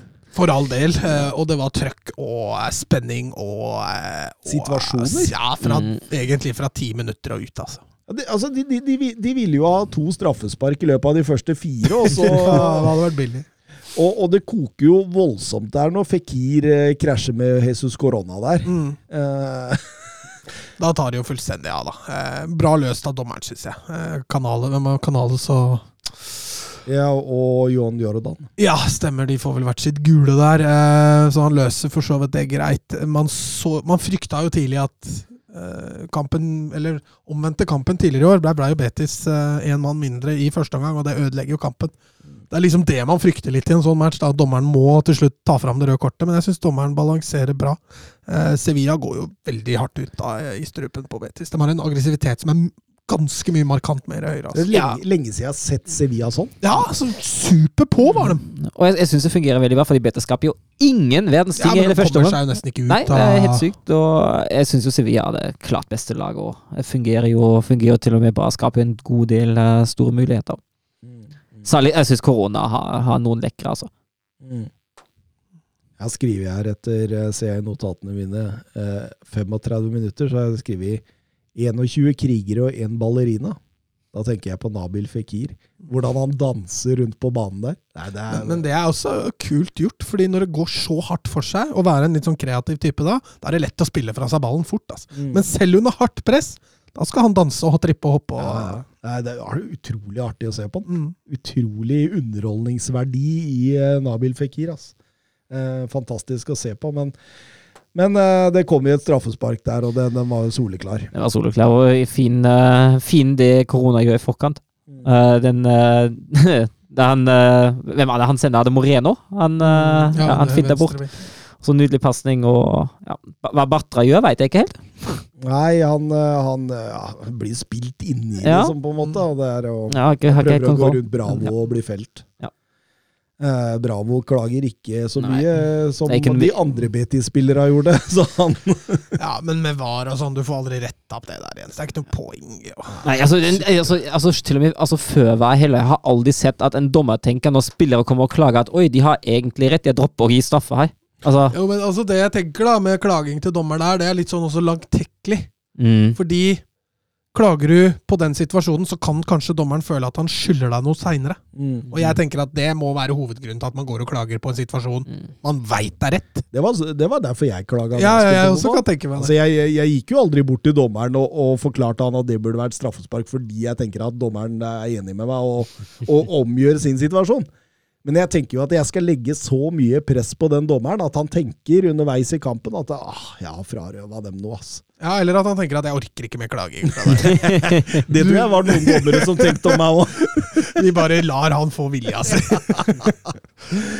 Eh, men uh, ikke verdens eh, sikreste mann fra 11-meteren. Nei, det har jeg vært inne på før. Men det, den tar han jo trygt, da. Ja, Hva var jo bare drøyt 50 treffprosent Ja. på straffer. At han fortsatt får lov, er jo helt sykt. Ja, men den der her, da, da gjenvinner han tillit. Ja, For den var jo uttagbar. Ja, Da bomma jeg neste igjen, vet du. Sannsynligvis. Eh, og og, og det, det, det er jo kok eh, fra rad 167 ned på gressmatta der. Det er voldsom kok på tribunene, voldsom kok på, på banen. Veldig morsomt å se. Og, men så kommer et mål som kanskje ødelegger litt. Ja, for den, den da skal man ikke slippe inn rett fra, rett fra utspill fra keeper. Og så, Jeg jeg husker ikke hvem som var Feibereiner, men Feibereiner er fryktelig, og så, og så Ammoniet bare gjennom. Mm. Det, det skal jo ikke skje. Ja, altså, en dårlig keeper. Altså, er, jeg syns Bravo har en dårlig match i første omgang. Altså. Det der med en litt mer eh, klasse bakerst der, så, så ville man antakeligvis ikke sluppet inn noen av dem. Det er bonus trea sist i La Liga. ja, Han ja, har Flere enn Messi i år, han, faktisk, i La Liga. Da. Skåring har han òg. Ja, det er det. Stemmer. trøkk i den der Ikke, ikke i år, da. Ja, han har ja, men eh, Messi har også skåret Nei, han har ikke skåret i Barcelona i år, han. Nei. Eh, Fikirov til pause med skade. Diego Carlos til pause med skade. Papu Gomez var allerede gått av. Begynte å, begynte å tynnes ut i rekkene. Og, og Sevilla får jo den på Acuña også i annen omgang. Det, det, det var en kostbar seier, dette her, altså. Ja, altså De spiller jo med to defensive midtbanespillere som stoppere eh, utover i matchen. Eh, Augustinsson kom jo også inn etter hvert på venstrebekken. Det var selvfølgelig bra nyhet at Navas var tilbake igjen fra start. Har jo vært lenge ute. Eh, men det er klart, nå har jo Sevilla har fått tilbake mye spillere fra skade, men de forsvinner jo nesten like fort som de kommer tilbake igjen. og Det, det kan, kan, bli utfordring, det. Nå, nå, har ikke jeg noe trua på at Sevilla skal greie å utfordre Real Madrid, men øh, det er ikke så lett med den skadehyppigheten de har. da. De har ikke så brei stalt at det er noe de kan håndtere over lengre tid. Det var bedre annen omgang, Betis. Ja, litt bedre. Jeg syns fortsatt det er ikke mye de skaper. Altså. Det, det, er Så handler det om at uh, Sevilla trekker seg litt ja, ned. Ja. Men det er også tøft gjort, med tanke på at du spiller med to defensive midtbanespillere som stopper, at du faktisk legger så mye til. Men jeg synes både Gudelli og, og ikke minst Fernando klarer seg veldig bra. Jeg mener jo Fernando er den tredje beste stopperen til Sevilla i øyeblikket. Uh, nå er vel Rekik også ute, så Med Condé, Carlos og Rekik ute, så er det litt begrensa alternativer bak der. Men den får et trøstemål. Å, det var fin. Nydelig frispark av Canales, men det er vel, det er vel fire minutter på overtid, så Ja. Det, det, det, ga ikke noen store spenninger Da. og det var voldsom jubel på grilldresskongen der etter kampen. En grilldresskonge som Ja, han har ikke tapt et Sevilla-derby ennå. Han har fem, fem seire, én uavgjort og null tap. Det er kun den andre manageren i historien som ikke har gått på et tap i El Gran Derby de første seks kampene sine, uansett side. altså Uansett om han har vært Betis eller Sevilla-trener, så det, det er sterkt. Eh, og med Grilldresskongen da, så tenker jeg jo selvfølgelig på Lopetegui. Ja, ja, ja, ja. Blir linka rundt omkring i øst og vest hele tida, men eh, det ser ut som han har funnet seg et prosjekt, Mats. Ja, ja, jo, jo, det kan jo godt hende at han fristes av andre ting òg, men han har jo gjort en fantastisk jobb i, i, i Sevilla òg. Skulle de sikre topp fire nå, da, som det veldig ser ut at de gjør, så må man jo kunne si at de har etablert seg som et topp fire-lag i Spania. og det Da bare fem-seks år tilbake i tid, så var ikke den langt nær like sikker for Sevilla. Så han har gjort en strålende jobb, og så får vi se om Sevilla greier å holde på han. Jeg frykter jo for Sevilla sin del at to stoppere fort kan forsvinne nå til sommeren. Så det er nok litt frustrerende for en trener å hele tida måtte fornye laget. Tenkte, tenkte plutselig på den når han midt i et mesterskap sa ja til Real Madrid. Husker. Og så fikk han spark, fikk en sparken ja, i Real Madrid under et halvt år. Ja. Det er tydelig en trener som lar seg friste. Ja, men det er jo forståelse, særlig når man er landslagstrener og kanskje savner å jobbe i det dagligdags. Jeg skjønner jo at han lot seg friste av det. Tilbake til, til klubbfotballen. Det var Hierro som tok over eh, Ja, han trente mm. Spania under, under mesterskapet. Det gikk veldig bra. Nei, det gjorde det Vi skal over til Barcelona mot Athletic Club, og det var jo mm, Satt meg ned og så Barcelona. Høye forventninger, men veldig varierende innad i kampen, syns jeg. Ja, altså det var jo for så vidt det. Toppnivået til Barca viser at det er veldig høyt. Eh, så, så, så, er det en periode der de går seg veldig veldig tomme i første omgang. altså Går veldig og stanger og stanger og stanger. Ja, og får ikke helt uh... Men de skapte ikke sånn voldsomt mange store sjanser i første omgang, Barcelona, generelt. Uh, det er mye ball. Uh, også når de først får en scoring, så er det jo selvfølgelig en dødball av alle ting. Men på det tidspunktet så tar man litt det man får, for Bilbao kommer jo dit for én ting. altså De skulle jo ikke dit for å underholde dem, så det var snakk om bare å få hull på byllen. Uh, utover andre omgang Altså, starten av andre omgang følte jeg litt press, liksom, at dette kan skjære seg igjen. Men når Barca begynte å få i gang ballen i andre omgang òg, når 2-0 kom, så det, det er blitt en herlig følelse. Sånn mot Napoli. Kunne slappe av allerede etter første omgang og tenke at dette går veien. Og nå igjen mot Bilbao. Så ikke sitte der i 92 minutter og grue seg, liksom. Ja, for det, det, det blei bedre når um, Osman Dembélé kommer inn til pipekonsert fra egne supportere. Og vi har jo fått et spørsmål fra OJ Haaland der. Fortjener uh, Osman Dembélé det? Ja.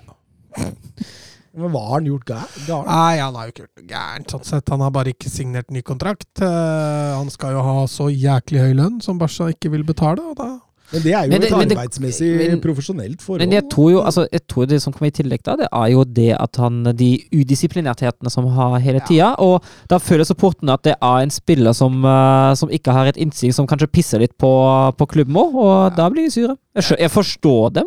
Ja, eh, men altså, misforstå meg rett, jeg syns ikke man skal bue uansett. Nei, det er- det er jo enig. Akkurat det er jeg ikke Men forståelsen av at eh, Dembélé ikke Eller forståelsen for at de mener at Dembélé ikke har gjort sitt beste i Barcelona. Altså, man har betalt Det er ikke supportere eller Dembélé sin skyld, men man har betalt store summer for å få den spilleren på plass, og vi har ikke vært i nærheten av å få igjen de pengene. Så det er nok litt frustrasjon der for at Dembélé ikke har lyst til å prøve litt til for å gjøre seg litt mer fortjent til det Barca har gitt for ham. Men du sa han pissa på egen klubb, nå pissa han i hvert fall på motstanderens klubb når han kom inn Veldig der. jo. Veldig jo. Ja, ja, han var kanskje må bue på han hver gang han kommer inn. Kanskje det gjør et eller annet. For det, for han kom inn og bestemte seg. han. for den skåringa der, den er jo lekker. Det er eh, verdensklasse. Nydelig. verdensklasse. Det er helt fantastisk å treffe såpass godt. Altså, han har ett sted kan plassere han, og det er akkurat der han plasserer han. Og han serverer jo både tre og fire òg. Ja, innlegget til de Jong og Fint også lagt på, på Pie der òg, så det er én scoring, to assist på et drøyt kvarter. Det får være godkjent for en spiller som mest sannsynlig forlater klubben. Men, hva- men, men hva tenker vi om Aubameyang, da? For en åpning han har hatt. Mm. Ja, han har vært uh, Altså, han har, jeg syns ikke han har vært veldig god i i, i, um, i, uh, i Ja, men altså i kombinasjonsspill, i, i link-up-spill og sånne ting, der syns jeg han sliter litt. Men du kan bruke den i kontringa, du kan bruke den i bakrom. Setter hun opp én mot én, eh, og ikke minst foran mål, så har han jo levert, da. Få Aubameyang i skåringsposisjoner, så, så blir det ofte mål. Så veldig fornøyd med bidragene hans så langt. La Liga, vet du. Det er Premier Leagues kirkegård, så Hele Europa, Premier League kirkegård. Det, ikke mer, det, er ikke mer enn, det er ikke mer enn et år siden vi satt her og var eh, ganske fornøyde med Aubameyang, så Men han var død i Arsenal. Jo, men det følte jeg ikke kun var fordi han eh, presterte så jævlig dårlig. Nei, Det var jo litt utenomsportslig. der òg, som spilte Ja. inn. Ja, var- Men jeg er jo enig med deg. Altså, jeg skal fint innrømme at det er enklere å lykkes i, i La Liga hvis man har litt det søramerikanske genet. Eh, så, så det går litt saktere i La Liga, det er ingen tvil om det. Husker du tidligere i sesongen, Søren, så, så spurte vi Mats eh, Eller vi fikk vel et spørsmål, var det fra Twitter? Eh, Blir det topp fire? Og han var bestemt nei. Jeg og deg sa ja. Hva, hva tenker du nå, Mats? Men jeg sa jo sist at Barca havner topp fire. Ja, du sa det. men- Sist, men- sist vi spurte, ja. ja. Jeg tror det. Men, men eh, tidligere i sesongen? Nei, Ja, men er, du, er du sikker nå, eller? Er du sikker nå, eller? På at det blir topp fire? Ja. Ja. Men se på det vi hadde da. Altså Det var Ronald Koman, Luke de Jong og co. Altså Nå er det Aubameyang og Xavi og Pedri. Altså Det er litt mer Og Og da Dama Traoré, som ja, Han hadde en dårlig kamp nå, men, eh, men det jeg så da, statistikk, han har vel noen og 90 kamper i Premier League for Wolves og fire assist. Fem kamper i Barca, fire assist. Så det sier også litt, da, bare litt sånn understreke det du sa i stad, det er litt sånn Premier League kirkegård å gå dit. Og det er klart når spilleren får et bedre lag Ja, som er- møter dårligere lag, da. Ja, altså, altså Bundesliga er Premier Leagues fødestue. Og Men nå er det Serie A som er eh, kirkegård nummer én her, da. Det er det ingen tvil om. Eh, nei, men det var strålende, Mats. Eh, XG på 3,09 mot 0,32 forteller jo det aller, aller meste. Ja da, og som jeg sa i stad her Litt utover i andre omgang så begynte man å føle at man har, har god kontroll, og det er ikke så ofte man har sittet og fulgt det. Og stakkars Marcellino, han eh, gikk eh, sin 19. kamp mot Barcelona uten seier. Ja, sist Ja, kan det stemme? Ja, han har ikke vunnet mot Barcelona som eh, trener Ja, først. I La Liga, da. Ja, i La Liga. Ja. Ja, for han vant jo en Copa-finale om for tre år siden. Så, Stemmer det. stemmer det. Eh, så har vi fått et eh, spørsmål her fra Jørgen B. Reddy igjen. Eh, Jeramin Pino. Eh, når han er ferdigutviklet i Villarreal, hvilket europeisk storlag vil han passe inn i? Regner med han vokser seg for stor til Real, sånn han spiller nå. Altså, Nå har han faktisk starta litt på benken i det siste. Chukwese har jo fått spille. Så fikk Jeremy Pino sjansen nå i Mot Espanol. Det gikk jo heller bra, da. Fire mål i det? Fire mål der. Men det skal sies at to av dem var tap-in goals, så han fikk de litt servert. Men uh, Jeremy Pino står vel på den der lista over ukas talenter der, som uh, undertegnede har uh, peka seg ut. Så han, uh, han kommer til å bli bra. Han er en høyrebeint kantspiller som spiller høyrekant. Uh, han tror jeg også kan bli jæklig god som venstrekant med innover. Eh, Så at han kan finne seg en større klubb der ute, det, det er jeg også overbevist om. Så vi ser da hvor lenge Villarreal greier å holde på den. Spennende. Vi eh, rusler over til Bundesliga, vi, Søren. Er macht ein richtig gutes Spiel. Jan Schimonek. Die Wolfsburger lassen so gut wie nichts zu. Grafit. Grafit gegen Lell. Jetzt wird's eine Demütigung. Guckt euch das an. Bist du verrückt? Bist du verrückt? Tor des Jahres. Die Bayern der Lächerlichkeit preisgegeben. Oh, dere gråse, gråse, gråse! Bundesliga, Søren. Premier Leagues fødestue. Ja, men den, den, den var litt fin. Ja, fin den. Den var litt fin. Det Ja. var mange gode spillere som har kommet til Premier League derfra. Og Ja. Det var kamp eh, for ditt kjære Wolfsburg borte mot eh, Borussia München-Gladbach. Eh, Ja, to, litt- to lag som har slitt litt. Ja, litt sånn krise, kriseoppmøte. De, kanskje de to lagene som har skuffa mest i, eh, i årets Bundesliga, i henhold til eh, forventninger, eh, og hvor man nå står. Glattberg kommer jo fra et katastrofalt 6-0-tap mot eh, Dortmund. Wolfsburg kommer fra et 1-2-tap mot eh, mot Hoffenheim. Uh, Wolfsburg får jo tidlig skåring ved, ved Jonas Wind etter en overgang assist av uh, Ridle Bako. Hyggelig at han traff egen spiller. Endelig! ja, det jo eh, Etter 174 forsøk Ja. så traff han egen spiller. jeg vet ikke om jeg sa det, sa det på lufta eller, eller før vi spilte inn forrige uke, at det er jo en happening hver gang han treffer egen spiller nå om dagen. Så Det eh, motsatte av Laporte. ja, faktisk. Men jeg syns jo Glattberg er egentlig strengt tatt det beste laget. Eh, de stiller Wolfsburg for en god del utfordringer defensivt. Eh, de, de gjenvinner høyt. Eh, de skaper noen sjanser. Kohn Castells har en eh, god dag på jobben. Eh, han redder det som kommer. Eh, Favorittspilleren din? ja. Eh, og endelig har han en sånn en igjen. Han har vært eh, litt få av de eh, i år han virkelig har vært matchvinner og poenggarantist, men eh, i den kampen er han virkelig det, og jeg mener at han er soloklart banens beste spiller. Um, det Glattberg sliter med, er jo når Wolfsburg kommer seg bak pressleder. Eh, og da snakker vi igjen de avstandene som vi også har sett, uh, sett mot Borussia Dortmund, hvor det forsvarsspillet deg. Når Wolfsburg kommer på, kommer på overganger og kan sette inn, eh, kan sette inn, kan sette inn angrep deg, det er Det er tynn suppe. Det glatt eh, byr på i forsvaret deg. Nå er Mathias Ginter sannsynligvis et offer for et meget uorganisert fotballag, men han leverer ikke noen voldsom søknad eh, til Nei. en overgang i sommer. Han gjør ikke det. Det, det har vært en, eh, en svak sesong for ham også. Er det noe rykte på han, eller hvor han går? Ikke, ikke veldig mye nå om dagen. Det har jo Tør, jeg, tør Bayern å ta Det har vært et rykte om, eh, om at han kanskje skal inn i Bayern og erstatte Syle. Uh, jeg? Ja, jeg veit ikke, vet ikke i hvilken grad det fortsatt er aktuelt. Det er ganske stille nå om dagen. Det er jo en klassespiller. Ja, det er jo, På sitt altså, på, på sitt beste er jo toppnivå. er jo, er jo Vi vil jo sannsynligvis kunne gjøre en veldig god jobb i Bayern. Det vil jeg tenke. Så ja.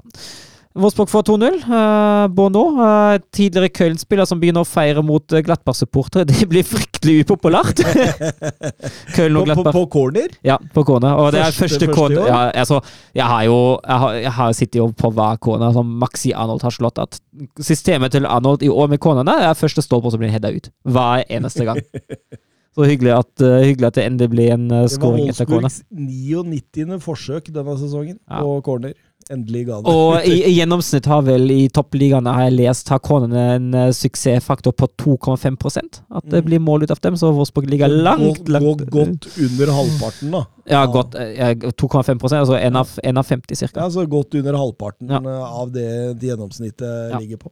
Ja, så fint at den, eh, at den satt. Men så kommer jo Glapper tilbake, da. Uh, fullt fortjent at uh, Turam uh, header inn 1-2. Uh, Eh, der er det en spiller som har vært totalt ute av form det ja, siste. det er helt katastrofe. Og det var jo litt sånn, litt sånn det som var tonen i Glattberg-leiren etter en kamp. Men hyggelig at han er tilbake, for han, han presterte jo en eh, god kamp her nå. Han, er jo, eh, han skårer jo 1-2 sjøl, og så er han svært delaktig i at Vårsbukk får en mann utvist i andre omgang. Jeg syns jo han har vært en eh, konstant trussel i den kampen. Der. Så eh, hyggelig for Glattberg at han er tilbake.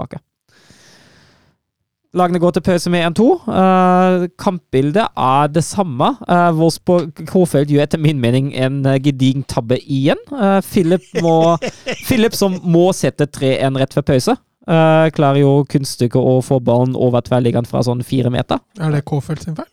Nei, men han, han blør i nesa, og så bytter han inn Jannik Hattheim. Hva sa han? Han blør i nesa? Blø det fra nesa? Oh, ja. Philip, trodde du Philip må, Philip, Philip må ut. Nei, okay, Philip må ut, Ja, okay, og så- og så- så kommer det kommer ikke Waldschmidt, det kommer ikke Nevcha, det kommer ikke Lukkebake, det kommer Jannicke Ehat. Kåfelt ble neseblod, så han må bytte ut. Fikk ikke med meg noe sånt Kåfelt som blødde neseblod. Hei, hvor det går!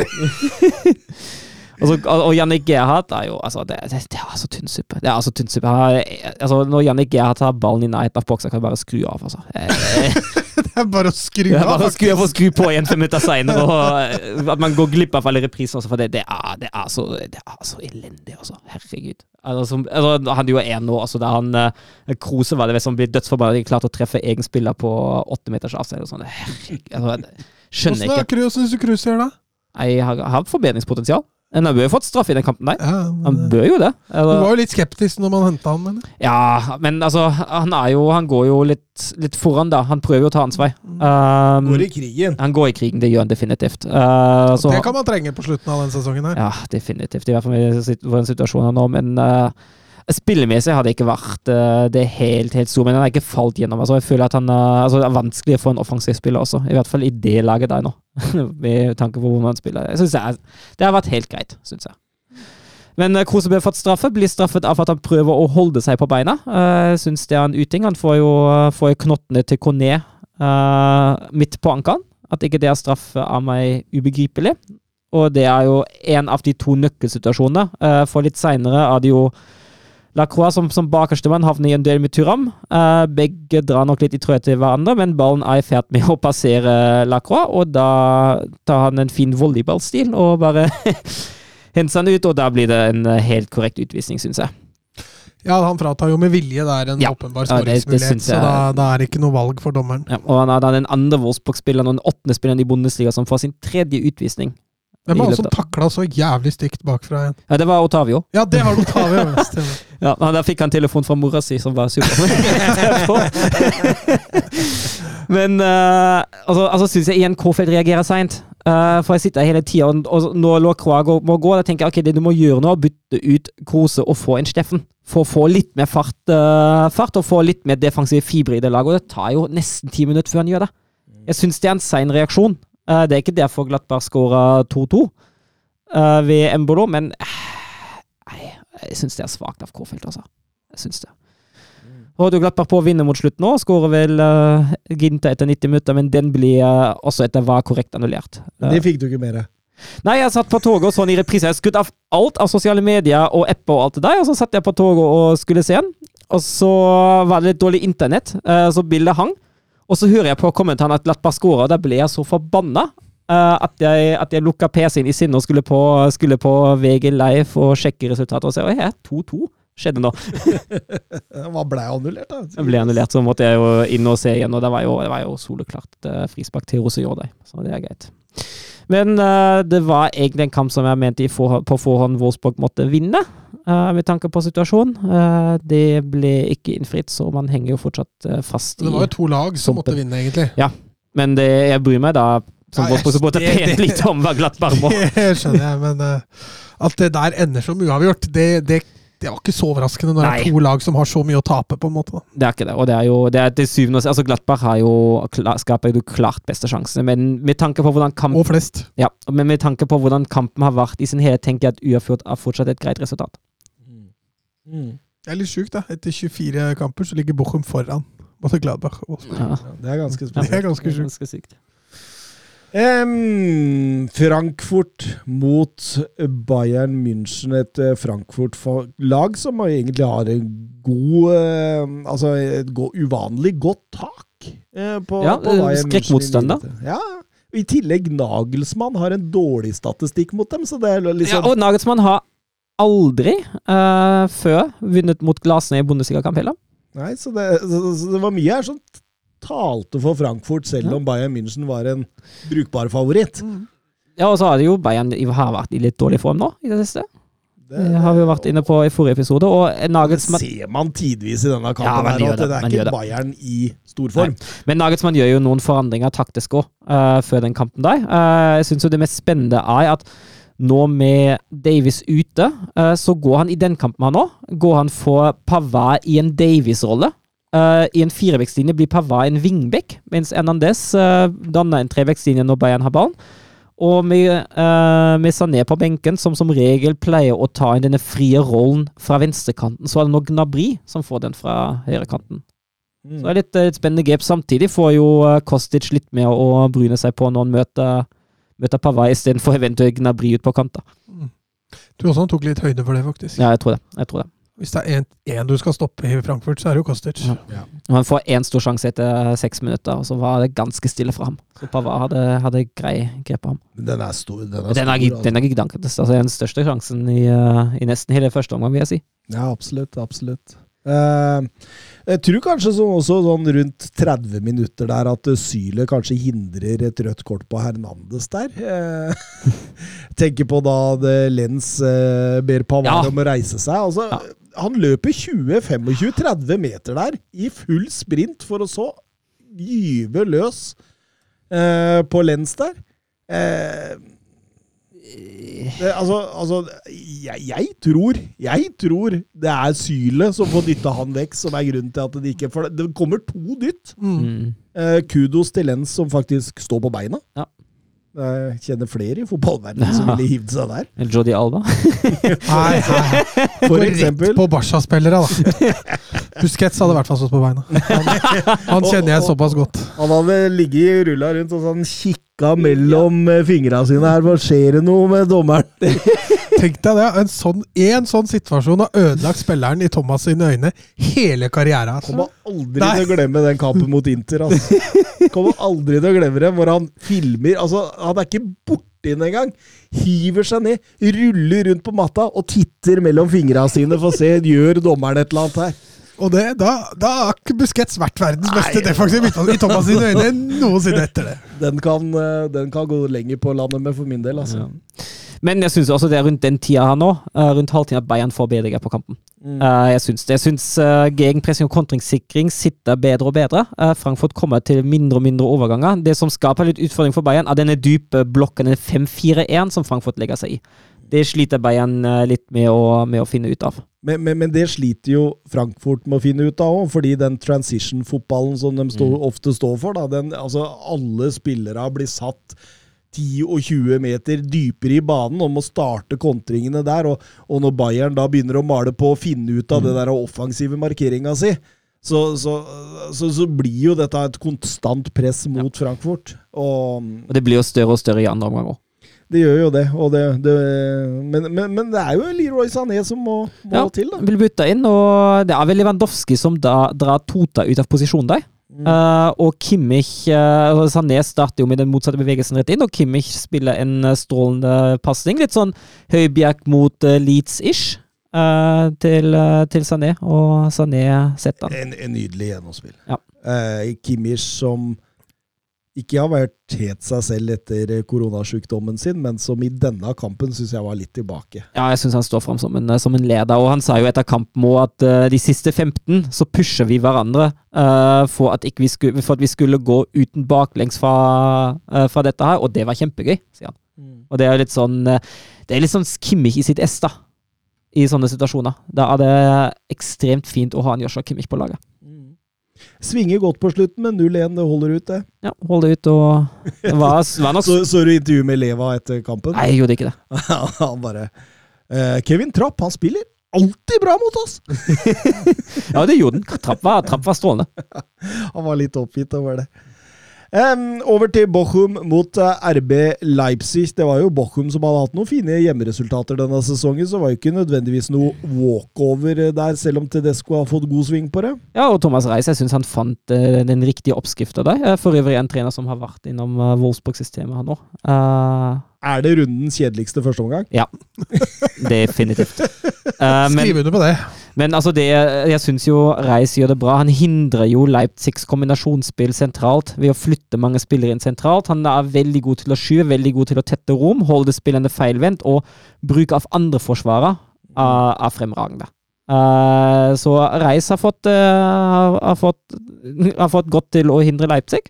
Helt enig med deg, Søren, der. Altså at eh, du så at med en gang RB Leipzig dro av en spiller, så kom det en annen i 110 Ja. opp i, i og Han ga seg ikke før det sa stopp. Og det, det var jo en herlig energi Ja, i det var dette Bochum-laget. Nydelig intensitet. Helt enig. Og, Har ikke det vært Bochum litt i år, da? Ja. og mye, mye tempo som på, Til gjengjeld, da. Leipzig klarte fint. Uh, altså, Bochum er jo et lag som kommer med mye tempo, uh, men det lot ikke Leipzig affektere seg av. Det klarte Leipzig å, å ta ut ved å ikke gi dem uh, de rommene de liker å ha. Og så må det være deilig da, for en trener når det stanger litt offensivt, å kunne sette inn på Olmo, Ankonko og, og Silva. Ja, men det, det, det som er jo litt, litt morsomt der uh, Jeg syns Leipzig mister litt stabilitet på midten. Uh, når han da går ut og, og bytter laget offensivt. Jeg skjønner hvorfor han gjør det, men når Edems forsvinner ut og blir erstatta av Olmo, og det blir bare Heidara i, alene der i midten, som mister litt stabilitet, og plutselig er det Borum som får de største sjansene.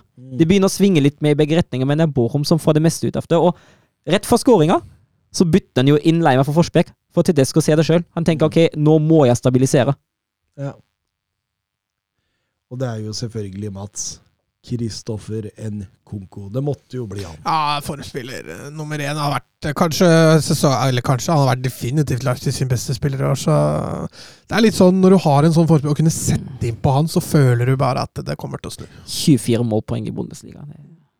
Ja, altså Han skårer sin fjerde strake kamp, og da har han ikke starta alle. Eh, han sjuende i 2022, det er kun Lewandowski som er bedre i Bundesliga. Så det er jo, det er jo voldsomt. Han, han, han han- spiller fotball på et litt annet nivå enn resten av gutta i RB Leipzig for tida.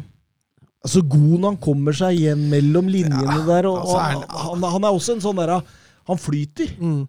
Men han, altså Den evnen han har da til å gå av spillere samtidig som han også kan gjøre andre gode, da. Eh, Det er kanskje den siste der som han har tatt størst steg på nå, samtidig som han har blitt en målskårer, da.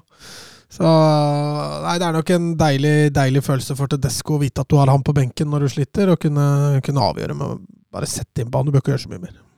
Deilig løp av Sima Khan over skåringen der, som åpner det rommet for, for eh, en Kunko der. og da ja, altså Bochum flytter omtrent opp alt de eier og har Ja. der mot slutten, og de jakter jo poeng. og Det, er skikkelig, skikkelig sliteseier. ja, det, det er litt synd, for jeg syns Borum hadde fortjent poeng i den kampen. Der. De hadde det. Ja, de, det var en, eh, var en god kamp.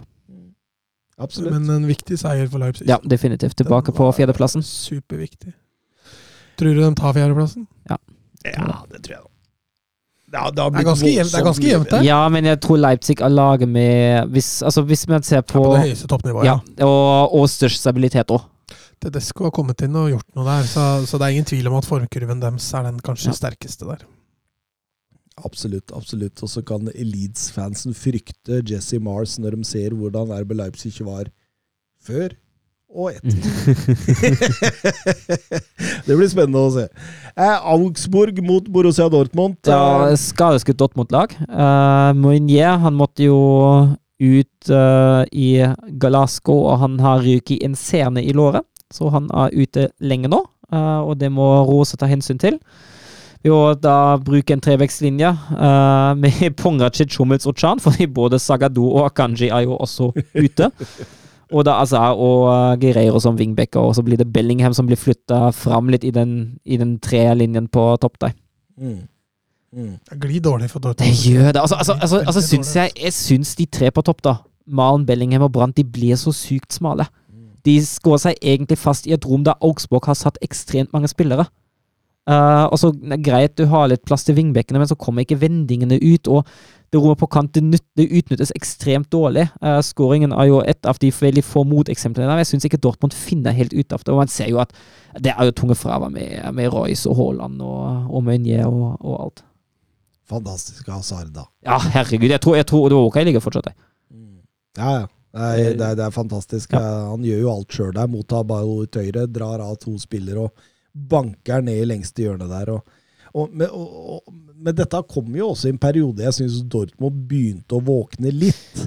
Altså, for det, det, det var en svak omgang, egentlig. Men de, Jeg, jeg syns jo hele tida de jobba på et initiativ der eh, så, som varte ganske lenge fram til en 65-70 minutter, Mm. når Augsburg begynner å flytte høyere. Jeg satt og tenkte underveis i matchen at eh, hvorfor flytter dere ikke bare høyere her? Mm. Altså, Dortmund blir Ja. livredde. De starter jo, de starter jo litt høyere. Ja. Uh, og, så, og så var det et eller annet altså Jeg tror han mente at det, altså, det det blir jo litt for store avstander, for de flytter ikke hele laget opp. Og så blir, blir avstanden mellom første og andre pressledd for stor, og da kom Dortmund seg ut. Og hans løsning eller siste løsning var da ok, da flytter vi første pressledd ned, Mm. istedenfor å flytte andre pressledd opp. Ja, for, for, for, for du ser jo det at eh, Dortmund sliter jo voldsomt Ja. når dette høye presset begynner å komme. Så det, mm, og, og det ender jo med at de også taper poeng. Ja da. Jeg kan jo nevne denne nydelige redningen Gikiewicz har mot uh, Malen etter 50 minutter. Der. Mm. Den han redda i tvellinga er sterk. Uh, Herlig keeperspill og ja. Taper poeng, og det er jo uh, Det kommer jo etter, etter gjenvinning. Riktignok uh, riktig i boksen etter en dårlig klarering. Og så- er de litt heldige, fordi Meyer han med nok å skyte. Men Ja, han skyter såpass dårlig han at uh, sleiver nok voldsomt der med Ja. Pongrasic som ikke får den ut der. Og så, og så stuper jo han uh, Så uh, han stuper ja, inn 1-1 der og da. Og, og, og litt morsomt da, etter 1-1, for da øh, det, det, ser jo ut som plutselig ingen av lagene er noe fornøyd med, eh, med, med uavgjort der. eh, Selv ikke Bochum, fordi, nei, Augsburg, mener jeg, fordi de føler de har et momentum som de kan jobbe videre på og kjøre på, mens eh, Dortmund tenker at eh, ett poeng borte mot Augsburg er jo slett ikke godt nok, mm. og begynner å, å tømme. Og da, eh, da, da, da blir det jo litt sånn end-to-end action mot Ja. slutten der. Det blir det, men eh, heller ikke med store muligheter, egentlig. Nei, ikke sånn voldsomme. Ikke det. Det er, det er noen avslutninger, men uh, Men, men, men, men man sitter jo egentlig altså Dette er en sånn typisk gang man sitter og kjeder seg litt igjennom. Ja. Det, er ikke, det er ikke sånn voldsomt eh, mye som, som holder deg der. Uh, syns Dortmund er veldig prega av alle, så, alle fraværa. ja, det syns jeg òg. I hvert fall i- salig offensivt, i stor grad. Men vi kan jo ta med at Julian Brandt spilte sin 250. Bundesliga-kamp i karrieren, kun 25 år og 301 dager gammel. Det er kun Eike Immel og Carl Heinz Kørbel som har nådd 250 i Bundesliga i yngre alder enn Brandt, og da er det bare snakk om dager, Søren. Ja, og Kørbel er jo spilleren som har soleklart flest kamper i Bundesligas historie. Han står vel på ah, er 602, Ja. tror jeg. Brandt, sånn som han spiller i Dortmund nå, så tror jeg ikke han blir plukka på noen sånne voldsomt store klubber ute heller. Så at han kan uh, kan, få en god del flere kamper Ja. i Bundesliga, det, det tror jeg. Mm.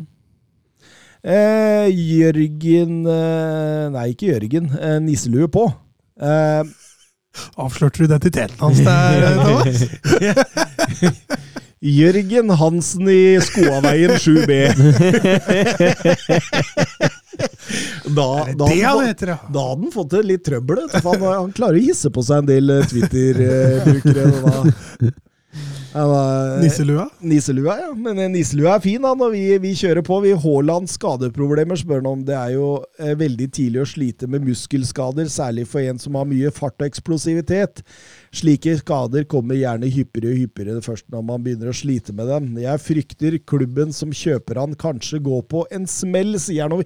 Vi, var vel litt inne på dette her. At eh, vi, vi, vi stilte vel spørsmålstegnet for noen runder, eller for noen eh, episoder siden om om disse skadene kan påvirke pris og interesse. Og, og da kom vi fram til at nei, ikke helt enda. nei, fordi, utkjøp, fordi utkjøpsklausulen er såpass lav i sammenlignet med hva han har vært ut ifra det han presterer når han er frisk. Eh, så tror jeg ikke det gjør det nå. Uh, men jeg er jo også litt enig med, med det Nisselue sier, at det er jo, det er jo bekymringsverdig. Altså Det er jo et problem å, å slite så mye med muskel i en alder av hvor gammel er nå? 21? Det er jo litt det med, den, men med, med spillere med, med stor eksplosivitet. Da. Jeg husker også Messi sleit fælt i starten av karrieren. Men dem fikk orden på det etter hvert. Eh, Så det er jo lov å håpe og tro at man gjør det i, i Haalands tilfelle også. Men eh, jeg tror nok også at man må være litt smartere i bruken av Haaland når han blir frisk igjen. Altså, Han kan ikke spille to kamper i uka, til å begynne med. I hvert fall ikke til å begynne med. Nå er jo Dortmund ute av samtlige, Ja, så nå er det ikke noe spørsmål lenger. Vi får håpe mm, Marco Rose ikke har tilnærmingen til Haaland som Antonio Conte har til Harry Kane. Da hørte du hva han sa om Harry Kane? Nei. Jeg kommer til å spille han om han bare har ett bein. Ja, men da kan det hende at det blir litt jevnere, da. Sånn, hvem, hvem bein skal han stå på når han slår gjennom sånn, f.eks.? Han kommer jo til å falle hver gang. Eh, nei, men så stø, strålende. Det Søren, har du noe mer å tilføye i Bundesliga her, eller eh, Leverkosen? eh? Leverkosen slo Bielefeld eh, 3-0. Ja. Så fint for, fint for Wolfsburg sin del. Absolutt, absolutt. Eh, vi kan gå over til Er ikke det litt kjedelig?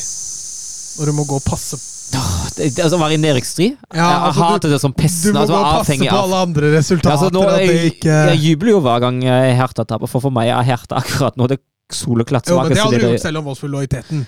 Ja. Nå, nå sitter du og heier på lag som du egentlig ikke bør heie på, fordi det er jo der Wolfsburg Ja, altså, jeg har jo, jeg har jo Altså, jeg heiet jo på Dortmund i den kampen her.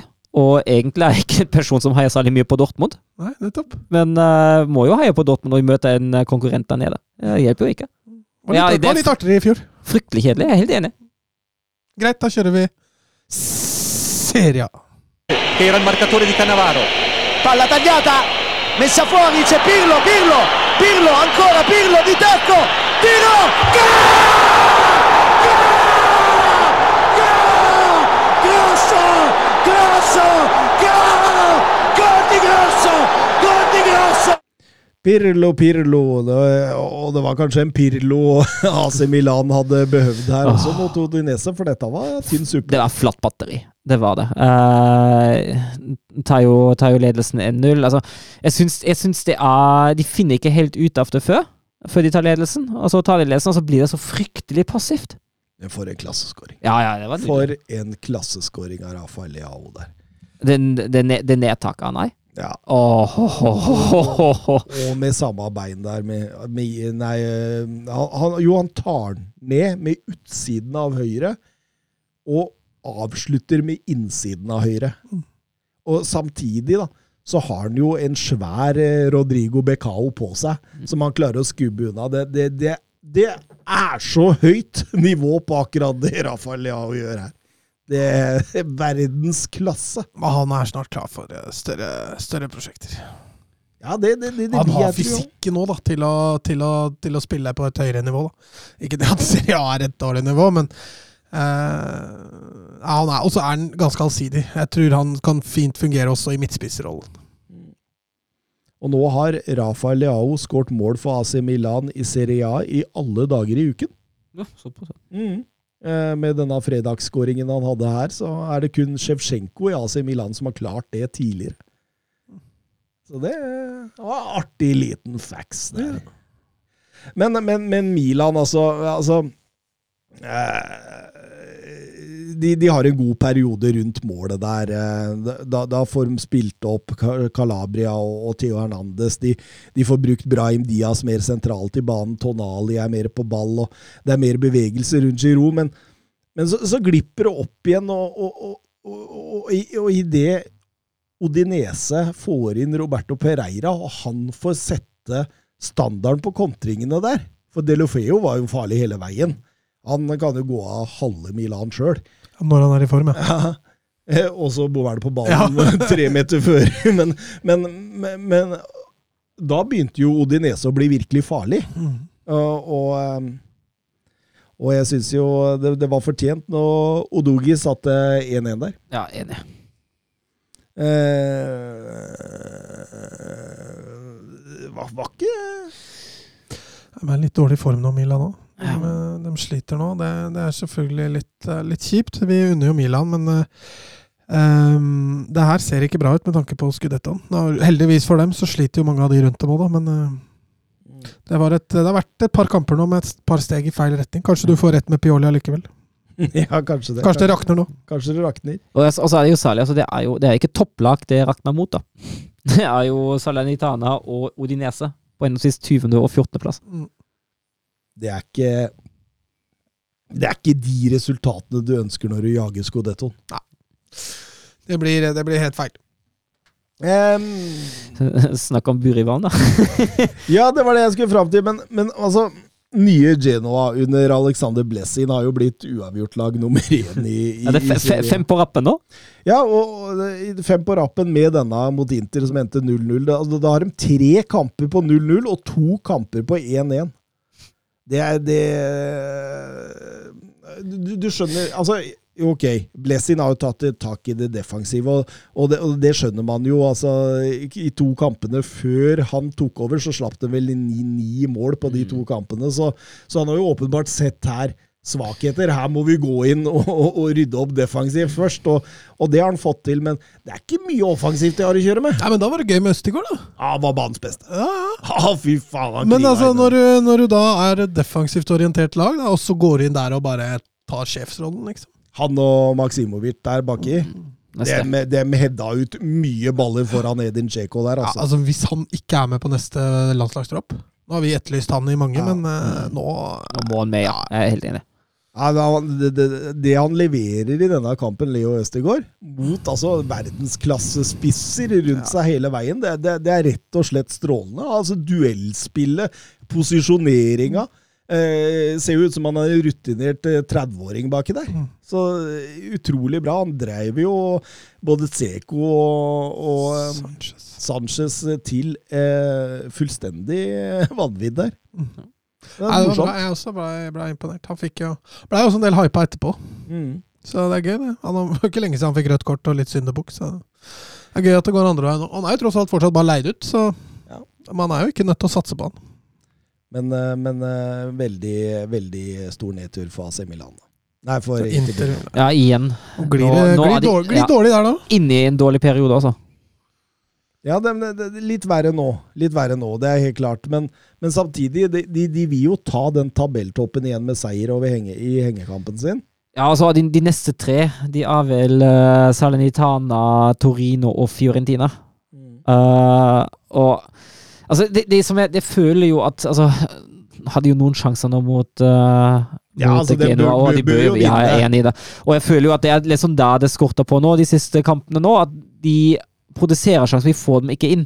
Mm. Uh, og jeg tror hvis de får litt hull på bullen, da blir det jo kanskje litt bedre. Men de har også en kamp mot Liverpool inni der òg, og, det- og det er klart Ja, den, de, den, kan, de kan ikke spare seg den kampen bare fordi de så å si er ute der. nei, eller? men de er jo ute der. Jo, men de kan allikevel ikke sette ut på juniorlaget, Nei, nei, nei. fordi de skal ha tre poeng i Men det, det blir jo altså hvis Så det de, blir en påkjenning der òg. Jo, men hvis Liverpool skårer en tidlig skåring, da, så blir jo det Det blir jo en transportetappe for begge lag.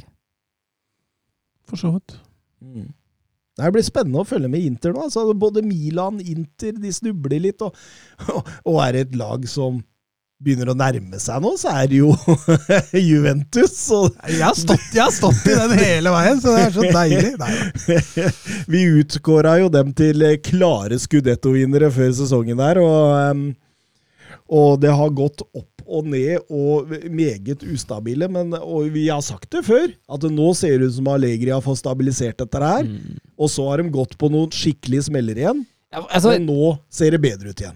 Ja, men nå, nå slapp de inn to Ja, mål, og likevel vant de. ja, jeg syns jo ikke den kampen mot Empoli var særlig stabil, da. Stabil var kanskje feil ord, men uh, gikk i hvert fall i riktig retning. Altså, jeg lurte på om Lavic var ferdig allerede, og så går, så går det 40 sekunder av den kampen mot Villarreal, så har han skåret, og så skårer han to i neste også. i Serie altså. Men det var godt at vi sa han ikke var det. da. Ja, ja, ja. ja. Men, men, men i denne kampen her så går jo eh, Allegri over til en 4-4-2 og skaffer eh, Dusan Vlaovic en makker på topp i, med navn eh, Moise Keane. Og du ser Jeg tror det formasjonsbyttet ene og alene var et eh, forsøk på å få Vlaovic oftere i boks, oftere rettvendt, og det får han. Mm. Eh, det så nesten ut som på en måte, altså Moise Keane rydda litt plass, da. Og, Han tar jo uansett oppmerksomhet, da. Ja, ja, og det, det, det, det, det, er, jo- det er jo en relativt jevn kamp. Men, men eh, du ser den der verden, altså det er jo verdensklasse det Vlavic Mm. eh, gjør her. eh, egentlig på begge mål. Altså strålende. Så eh, de, de drar i land en seier uten å imponere noe voldsomt. Alle tre måla kommer jo egentlig på overganger. Eh, så, så, så, så veldig spennende. Men Vebjørn Fredheim skrev noe til oss her på Twitter. Eh, Er det ingen i Serie A som vil vinne denne sesongen? Er det helt utenkelig om Juve kommer på oppløpssiden og tar skudettoen? Ja, helt utenkelig er det ikke. Akkurat nå er det jo sju poeng opp til, eh, til serielederne. Men hvis Inter vinner sin hengekamp, er det åtte. Uh, og, altså, åtte poeng det På tolv kamper. For tolv kamper, det er fortsatt en del, altså. I hvert fall når det gjelder topplag. Uh, men Inter er nødt til å snu den formiddag. For meg framstår fortsatt Inter som den store favoritten. Eh, jeg tror verken Napoli eller Milan er stabile nok. Eh, det laget som Ade Roma. Eh, Nei.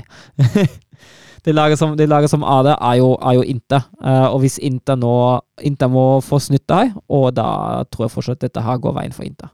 Mm. Mm. Det er spennende. spennende. Altså, det som taler imot, da, for, eh, for å snakke til Vebjørn Fredheim, det er jo det at det er Det er flere lag mellom der. Og det liksom på en måte Hadde det bare vært ett, og at man lå sju poeng bak som nummer to, så, så er jo den sjansen vesentlig større enn når både Milan, Inter og Napoli ligger foran deg. Mm. Eh, Da er det tre som på en måte må snuble litt, da. Ja, men Milan og Napoli kan finne på å snuble. Så Der føler jeg fortsatt at det det er litt opp til Juventus. Når det gjelder Inter, så føler jeg ikke det bare opp til Juventus, for der må liksom Inter faktisk snuble skikkelig for at det der skal gå. Så, men at Juventus her eh, kan bli nummer to, det ser jeg på som, som noe som absolutt kan skje. Seriegull, litt enig med Søren. Eh, Det blir tøft, men eh, det er jo Det har skjedd større under enn dette i fotballverden. Mm. Ja, vi må jo ta med også at eh, Napoli de eh, tok foreløpig tabelledelse etter et sent, sent mål borte mot uh, Lazio i en uh, meget jevn fotballkamp. Fabian Ruiz der som uh, kanskje Napolis beste denne sesongen. Vært strålende, det jeg har sett. altså. Som, som, som gir håp for Napoli foreløpig. Og, og, og Roma som Sen, senskåring borte. jo, men altså, en XG på over 4,5 har jeg sett på flere steder der.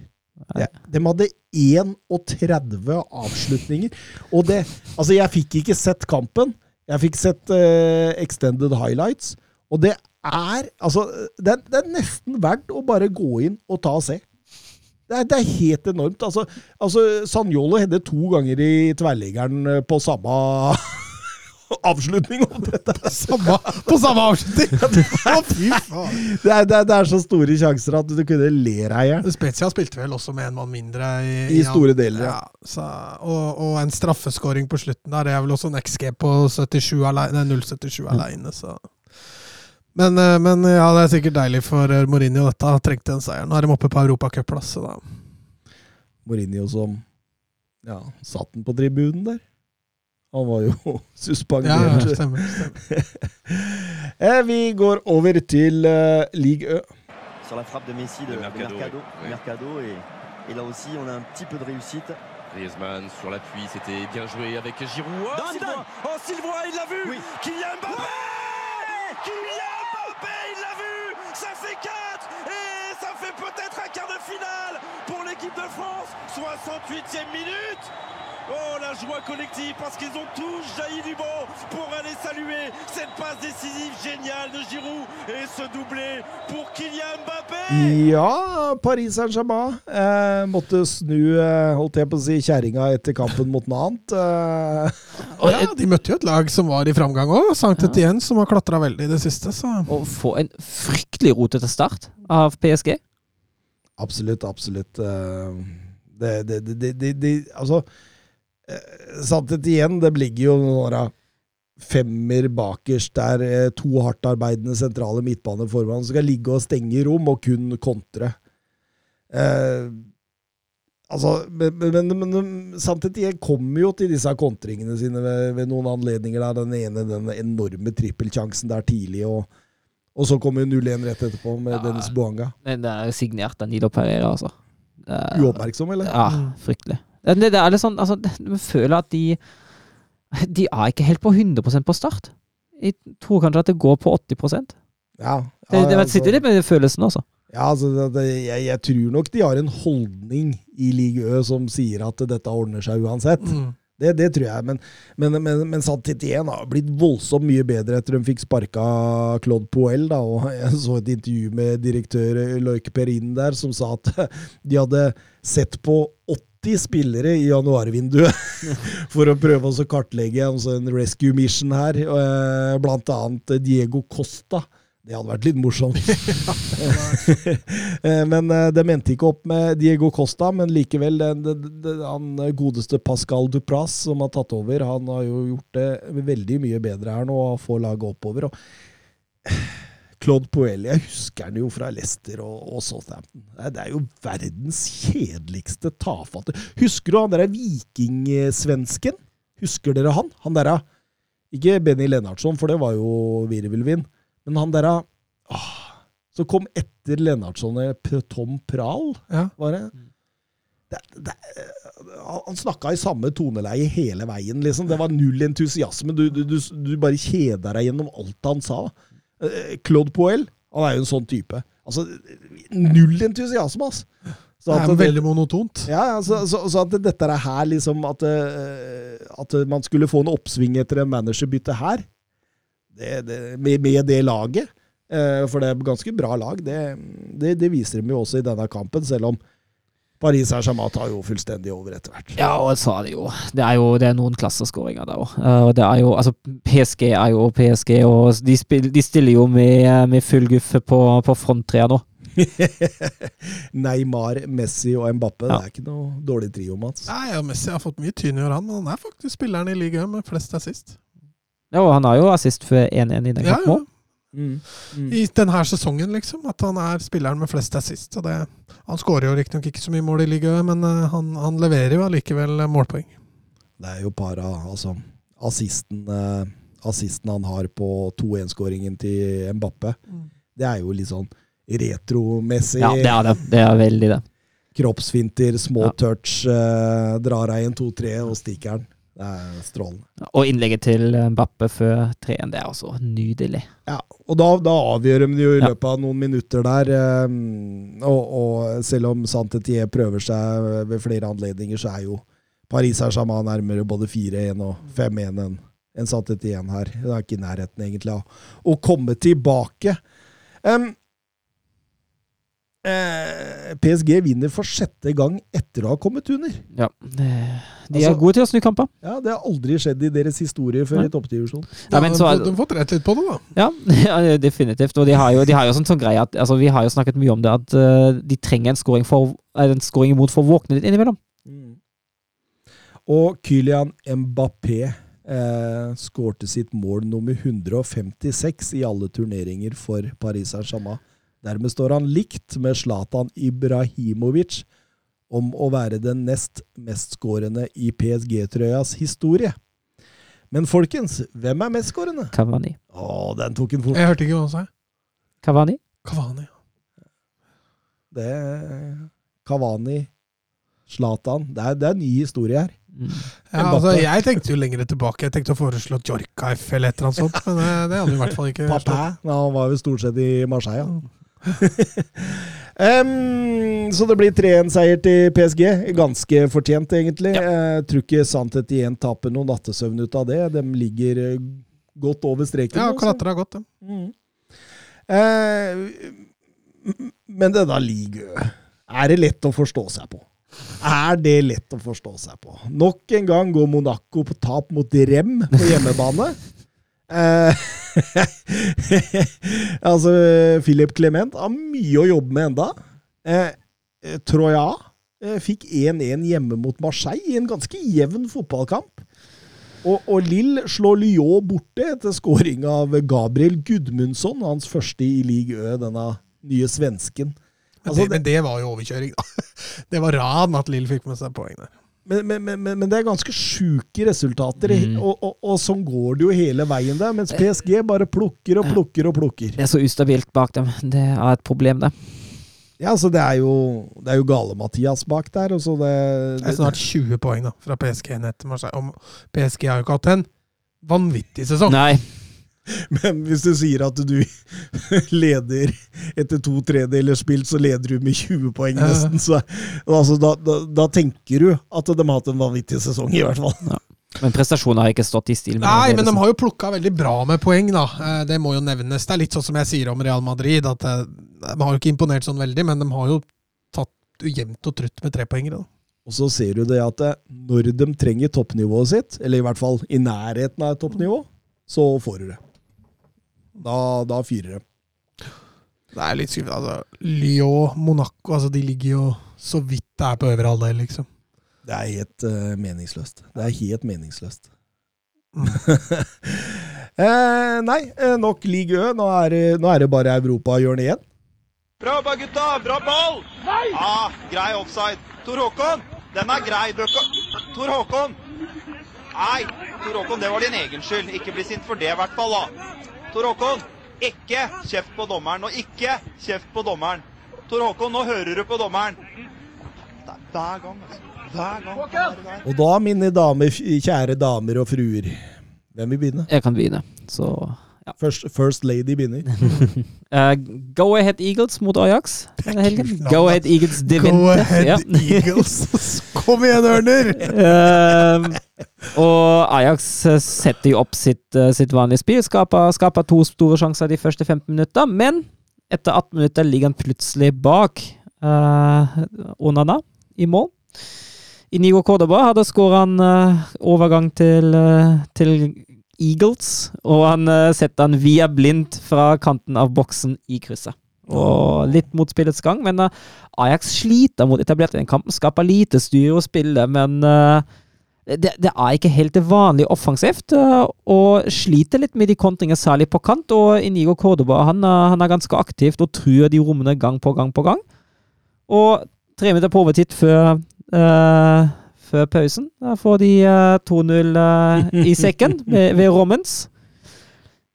Og så er det, jobber man for å hente opp. Men det eneste det holder til, er Berhuis som skårer 2-1. Og da går Ajax faktisk tapende av banen. PSV samt, vant samtidig, så nå er det to poeng ledelse på toppen. Oi, oi, oi, oi. oi. Det kan bli tett inn, det der. Artig det. Jeg kan ta neste, for dette går fort. uh, fryktelig kjedelig fotballkamp mellom Louvain og, og Anderlecht. Uh, Anderlecht som nok antakeligvis har litt i bakhodet at de skal spille andre semifinalekamp mot Djupen i den belgiske cupen. Der de har 2-2 å gå på fra første kamp. Uh, altså, det var en veldig kjedelig forestilling og en tam forestilling. Anderlecht har kanskje litt mer ball. eh, men, men eh, får veldig lite til offensivt. Og, og eh, dette er to timer av livet mitt jeg ikke får igjen, og det, det, det, er, det er litt trist. Men uh, Warszawa nok en gang relativt kanskje det mest positive til, til bidraget til Anderlecht. Murillo får et rødt kort på slutten som gjør at uh, som gjør at Louvain har en mulighet til å kjøre litt på slutten, men de tar jo ikke den heller. Så uh, nei, det var litt slitsomt å følge. 0-0 ender matchen, og Anderlecht ligger fortsatt så vidt der innafor topp fire. Mm, mm. Eh, Sporting var på eh, bortetur til eh, Maritimo. og Uten Sarabia, uten Pedro Gonsalves, uten en suspendert Paulina. Så det var, de var litt eh, reduserte. Men eh, spilte en god fotballkamp. Men noen ganger så er det jo sånn at man ikke får betalt etter prestasjoner. Nei.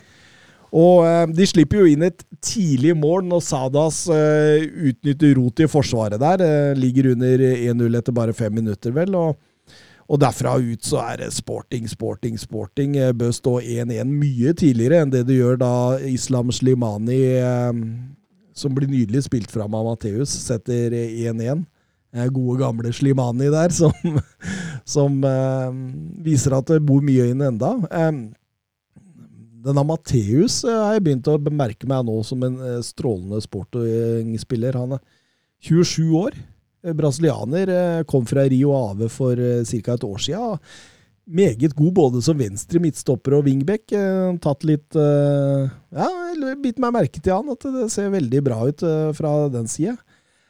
Men dette var ikke dagen til sporting eh, foran mål. altså Noen av sjansene der er så gedigne. altså eh, Pedro Porro setter ballen i tverrleggen ned på strek via stolpen og ut igjen. altså det, og, og, det, og det var der det lå. altså Det, er det var litt Roma over dette her. og Og eh, det, det var ikke sånn at de skøyt eh, keeper eh, Pablo Victor så god heller. Det var bare mye utenfor i blokk, og man, man har slett ikke marginer, og det ender 1-1. Eh, Benfica vinner 3-0 mot eh, Vitoria de Guimares, og Darwin None skårer to nye, så han er oppe i 20 mål på 20 kamper. Mens eh, Porto gikk på uforventa poengtap mot Gil Vicente. Da var det ble 1-1. Eh, Samuel Diaz Lino satt opp fram til 0-1, men Eva Nilsson eh, utligna rett etterpå. Så, så det var liksom Man skulle jo ønske, da, at Sporting vant den der, sånn at det kunne bli litt spennende der framover, når de fikk denne halmstrået fra Gil Vicente. Men, men eh, nei, spennende, spennende. Så, Så, så, jeg har bitt meg merke i enkelte podcaster som hevner at Haaland og Vlaovic var de eneste to niera som det var mulig for storklubbene å kjøpe. Eh, liksom sånn eh, For å si det sånn, da har de ikke møtt på Darwin Nunes enda i, i Benfica. Altså, for et fyrverkeri inni i motstanderens boks! Men han også er vel fortsatt sånn litt ikke helt oppdaga ennå. Nei, jeg tror det. Så Altså, det, det, det hvis vi kan kalle det mainstream media, da. ja, ja. ja, de, de, de veit ikke om den ennå. Nei, det er litt det jeg skulle fram til. At, eh, men uh, hvis de får han i kikkertbein, så er det klart, da har han jo prestert på et Benfica-lag, da. Han Jo, jo, ikke men du ser jo eksempel en Jesus Corona, da, som, som går inn og bare dominerer eh, flere kamper i Ja. Hvis dere kan eh, diskuterer Núñez nå, så bare sier jeg ha det. Så rekker jeg faktisk en tidligere buss. ja Rekk en tidligere buss, du. Dra av gårde. Ha det godt. Snakkes. Det var hyggelig at du kom. Det var hyggelig å være med. Ses neste mandag. Det jeg sier, det er at eh, altså, den portugisiske ligaen er av såpass høy kvalitet, i hvert fall i topplaga, at du, du hevder deg. Eh, når du hevder deg der, så hevder du deg i, i mange andre ligaer òg. Det viser jo bare Jesus Corona nå, i Sevilla. Han var ikke noe utprega stor spiller i Det var ikke noe Luis Diaz det i Porto. Nei, eh, men at eh, Men å putte han i samme bås som Vlaovic Nei, og Haaland Jeg, jeg, jeg gjør ikke det, men jeg sier at det er ikke den eneste nieren en storklubb kan hente til sommeren, på en måte. da. Altså, Jeg Nei, hørte men- de sa at nå er Vlaovic tatt, så nå er det bare Haaland igjen. Nei, men, Den er feil. men jeg tenker også når du kjøper Vlaovic eller Haaland, så kjøper du også navn. Mm. Du kjøper ikke bare verdensklasse framtidig spiss. Nei, Núñez har ikke det navnet ennå. Det var det jeg mente. Og det får han. Det kan han antageligvis få. Ja, jeg tror det, altså. Åh, det er deilig. Eh, forresten, da, så er det Ja, Benfica krøp litt nærmere sporting i den kampen om annenplassen, mens eh, Porto fortsatt har seks poeng til gode. Så det var jo som sagt litt synd at sporting ikke ikke kunne Du skulle sett en Pedro Porro. Bare søk i highlights, og han må ligge der, ja, og det er på le meg i hjel. At den ikke går inn, det er, eh, det er et mesterverk av en, eh, av en prestasjon. Nei, Mats, skal vi ta kvelden nå, da, siden Søren har tatt kvelden? Ja, det er ikke nytt å drive dette uten han. Nei, det, det han driver jo podkasten. Ja, den fæle, fæle, fæle tyskeren. Ja, det er grusomt. vet du. Det er litt slitsomt. Fanbrev driver han for. Ja. Ja, jeg tror jeg, det, er, er fælt. Nei, vi sier uh, ha det bra og på gjenhør. Adjø.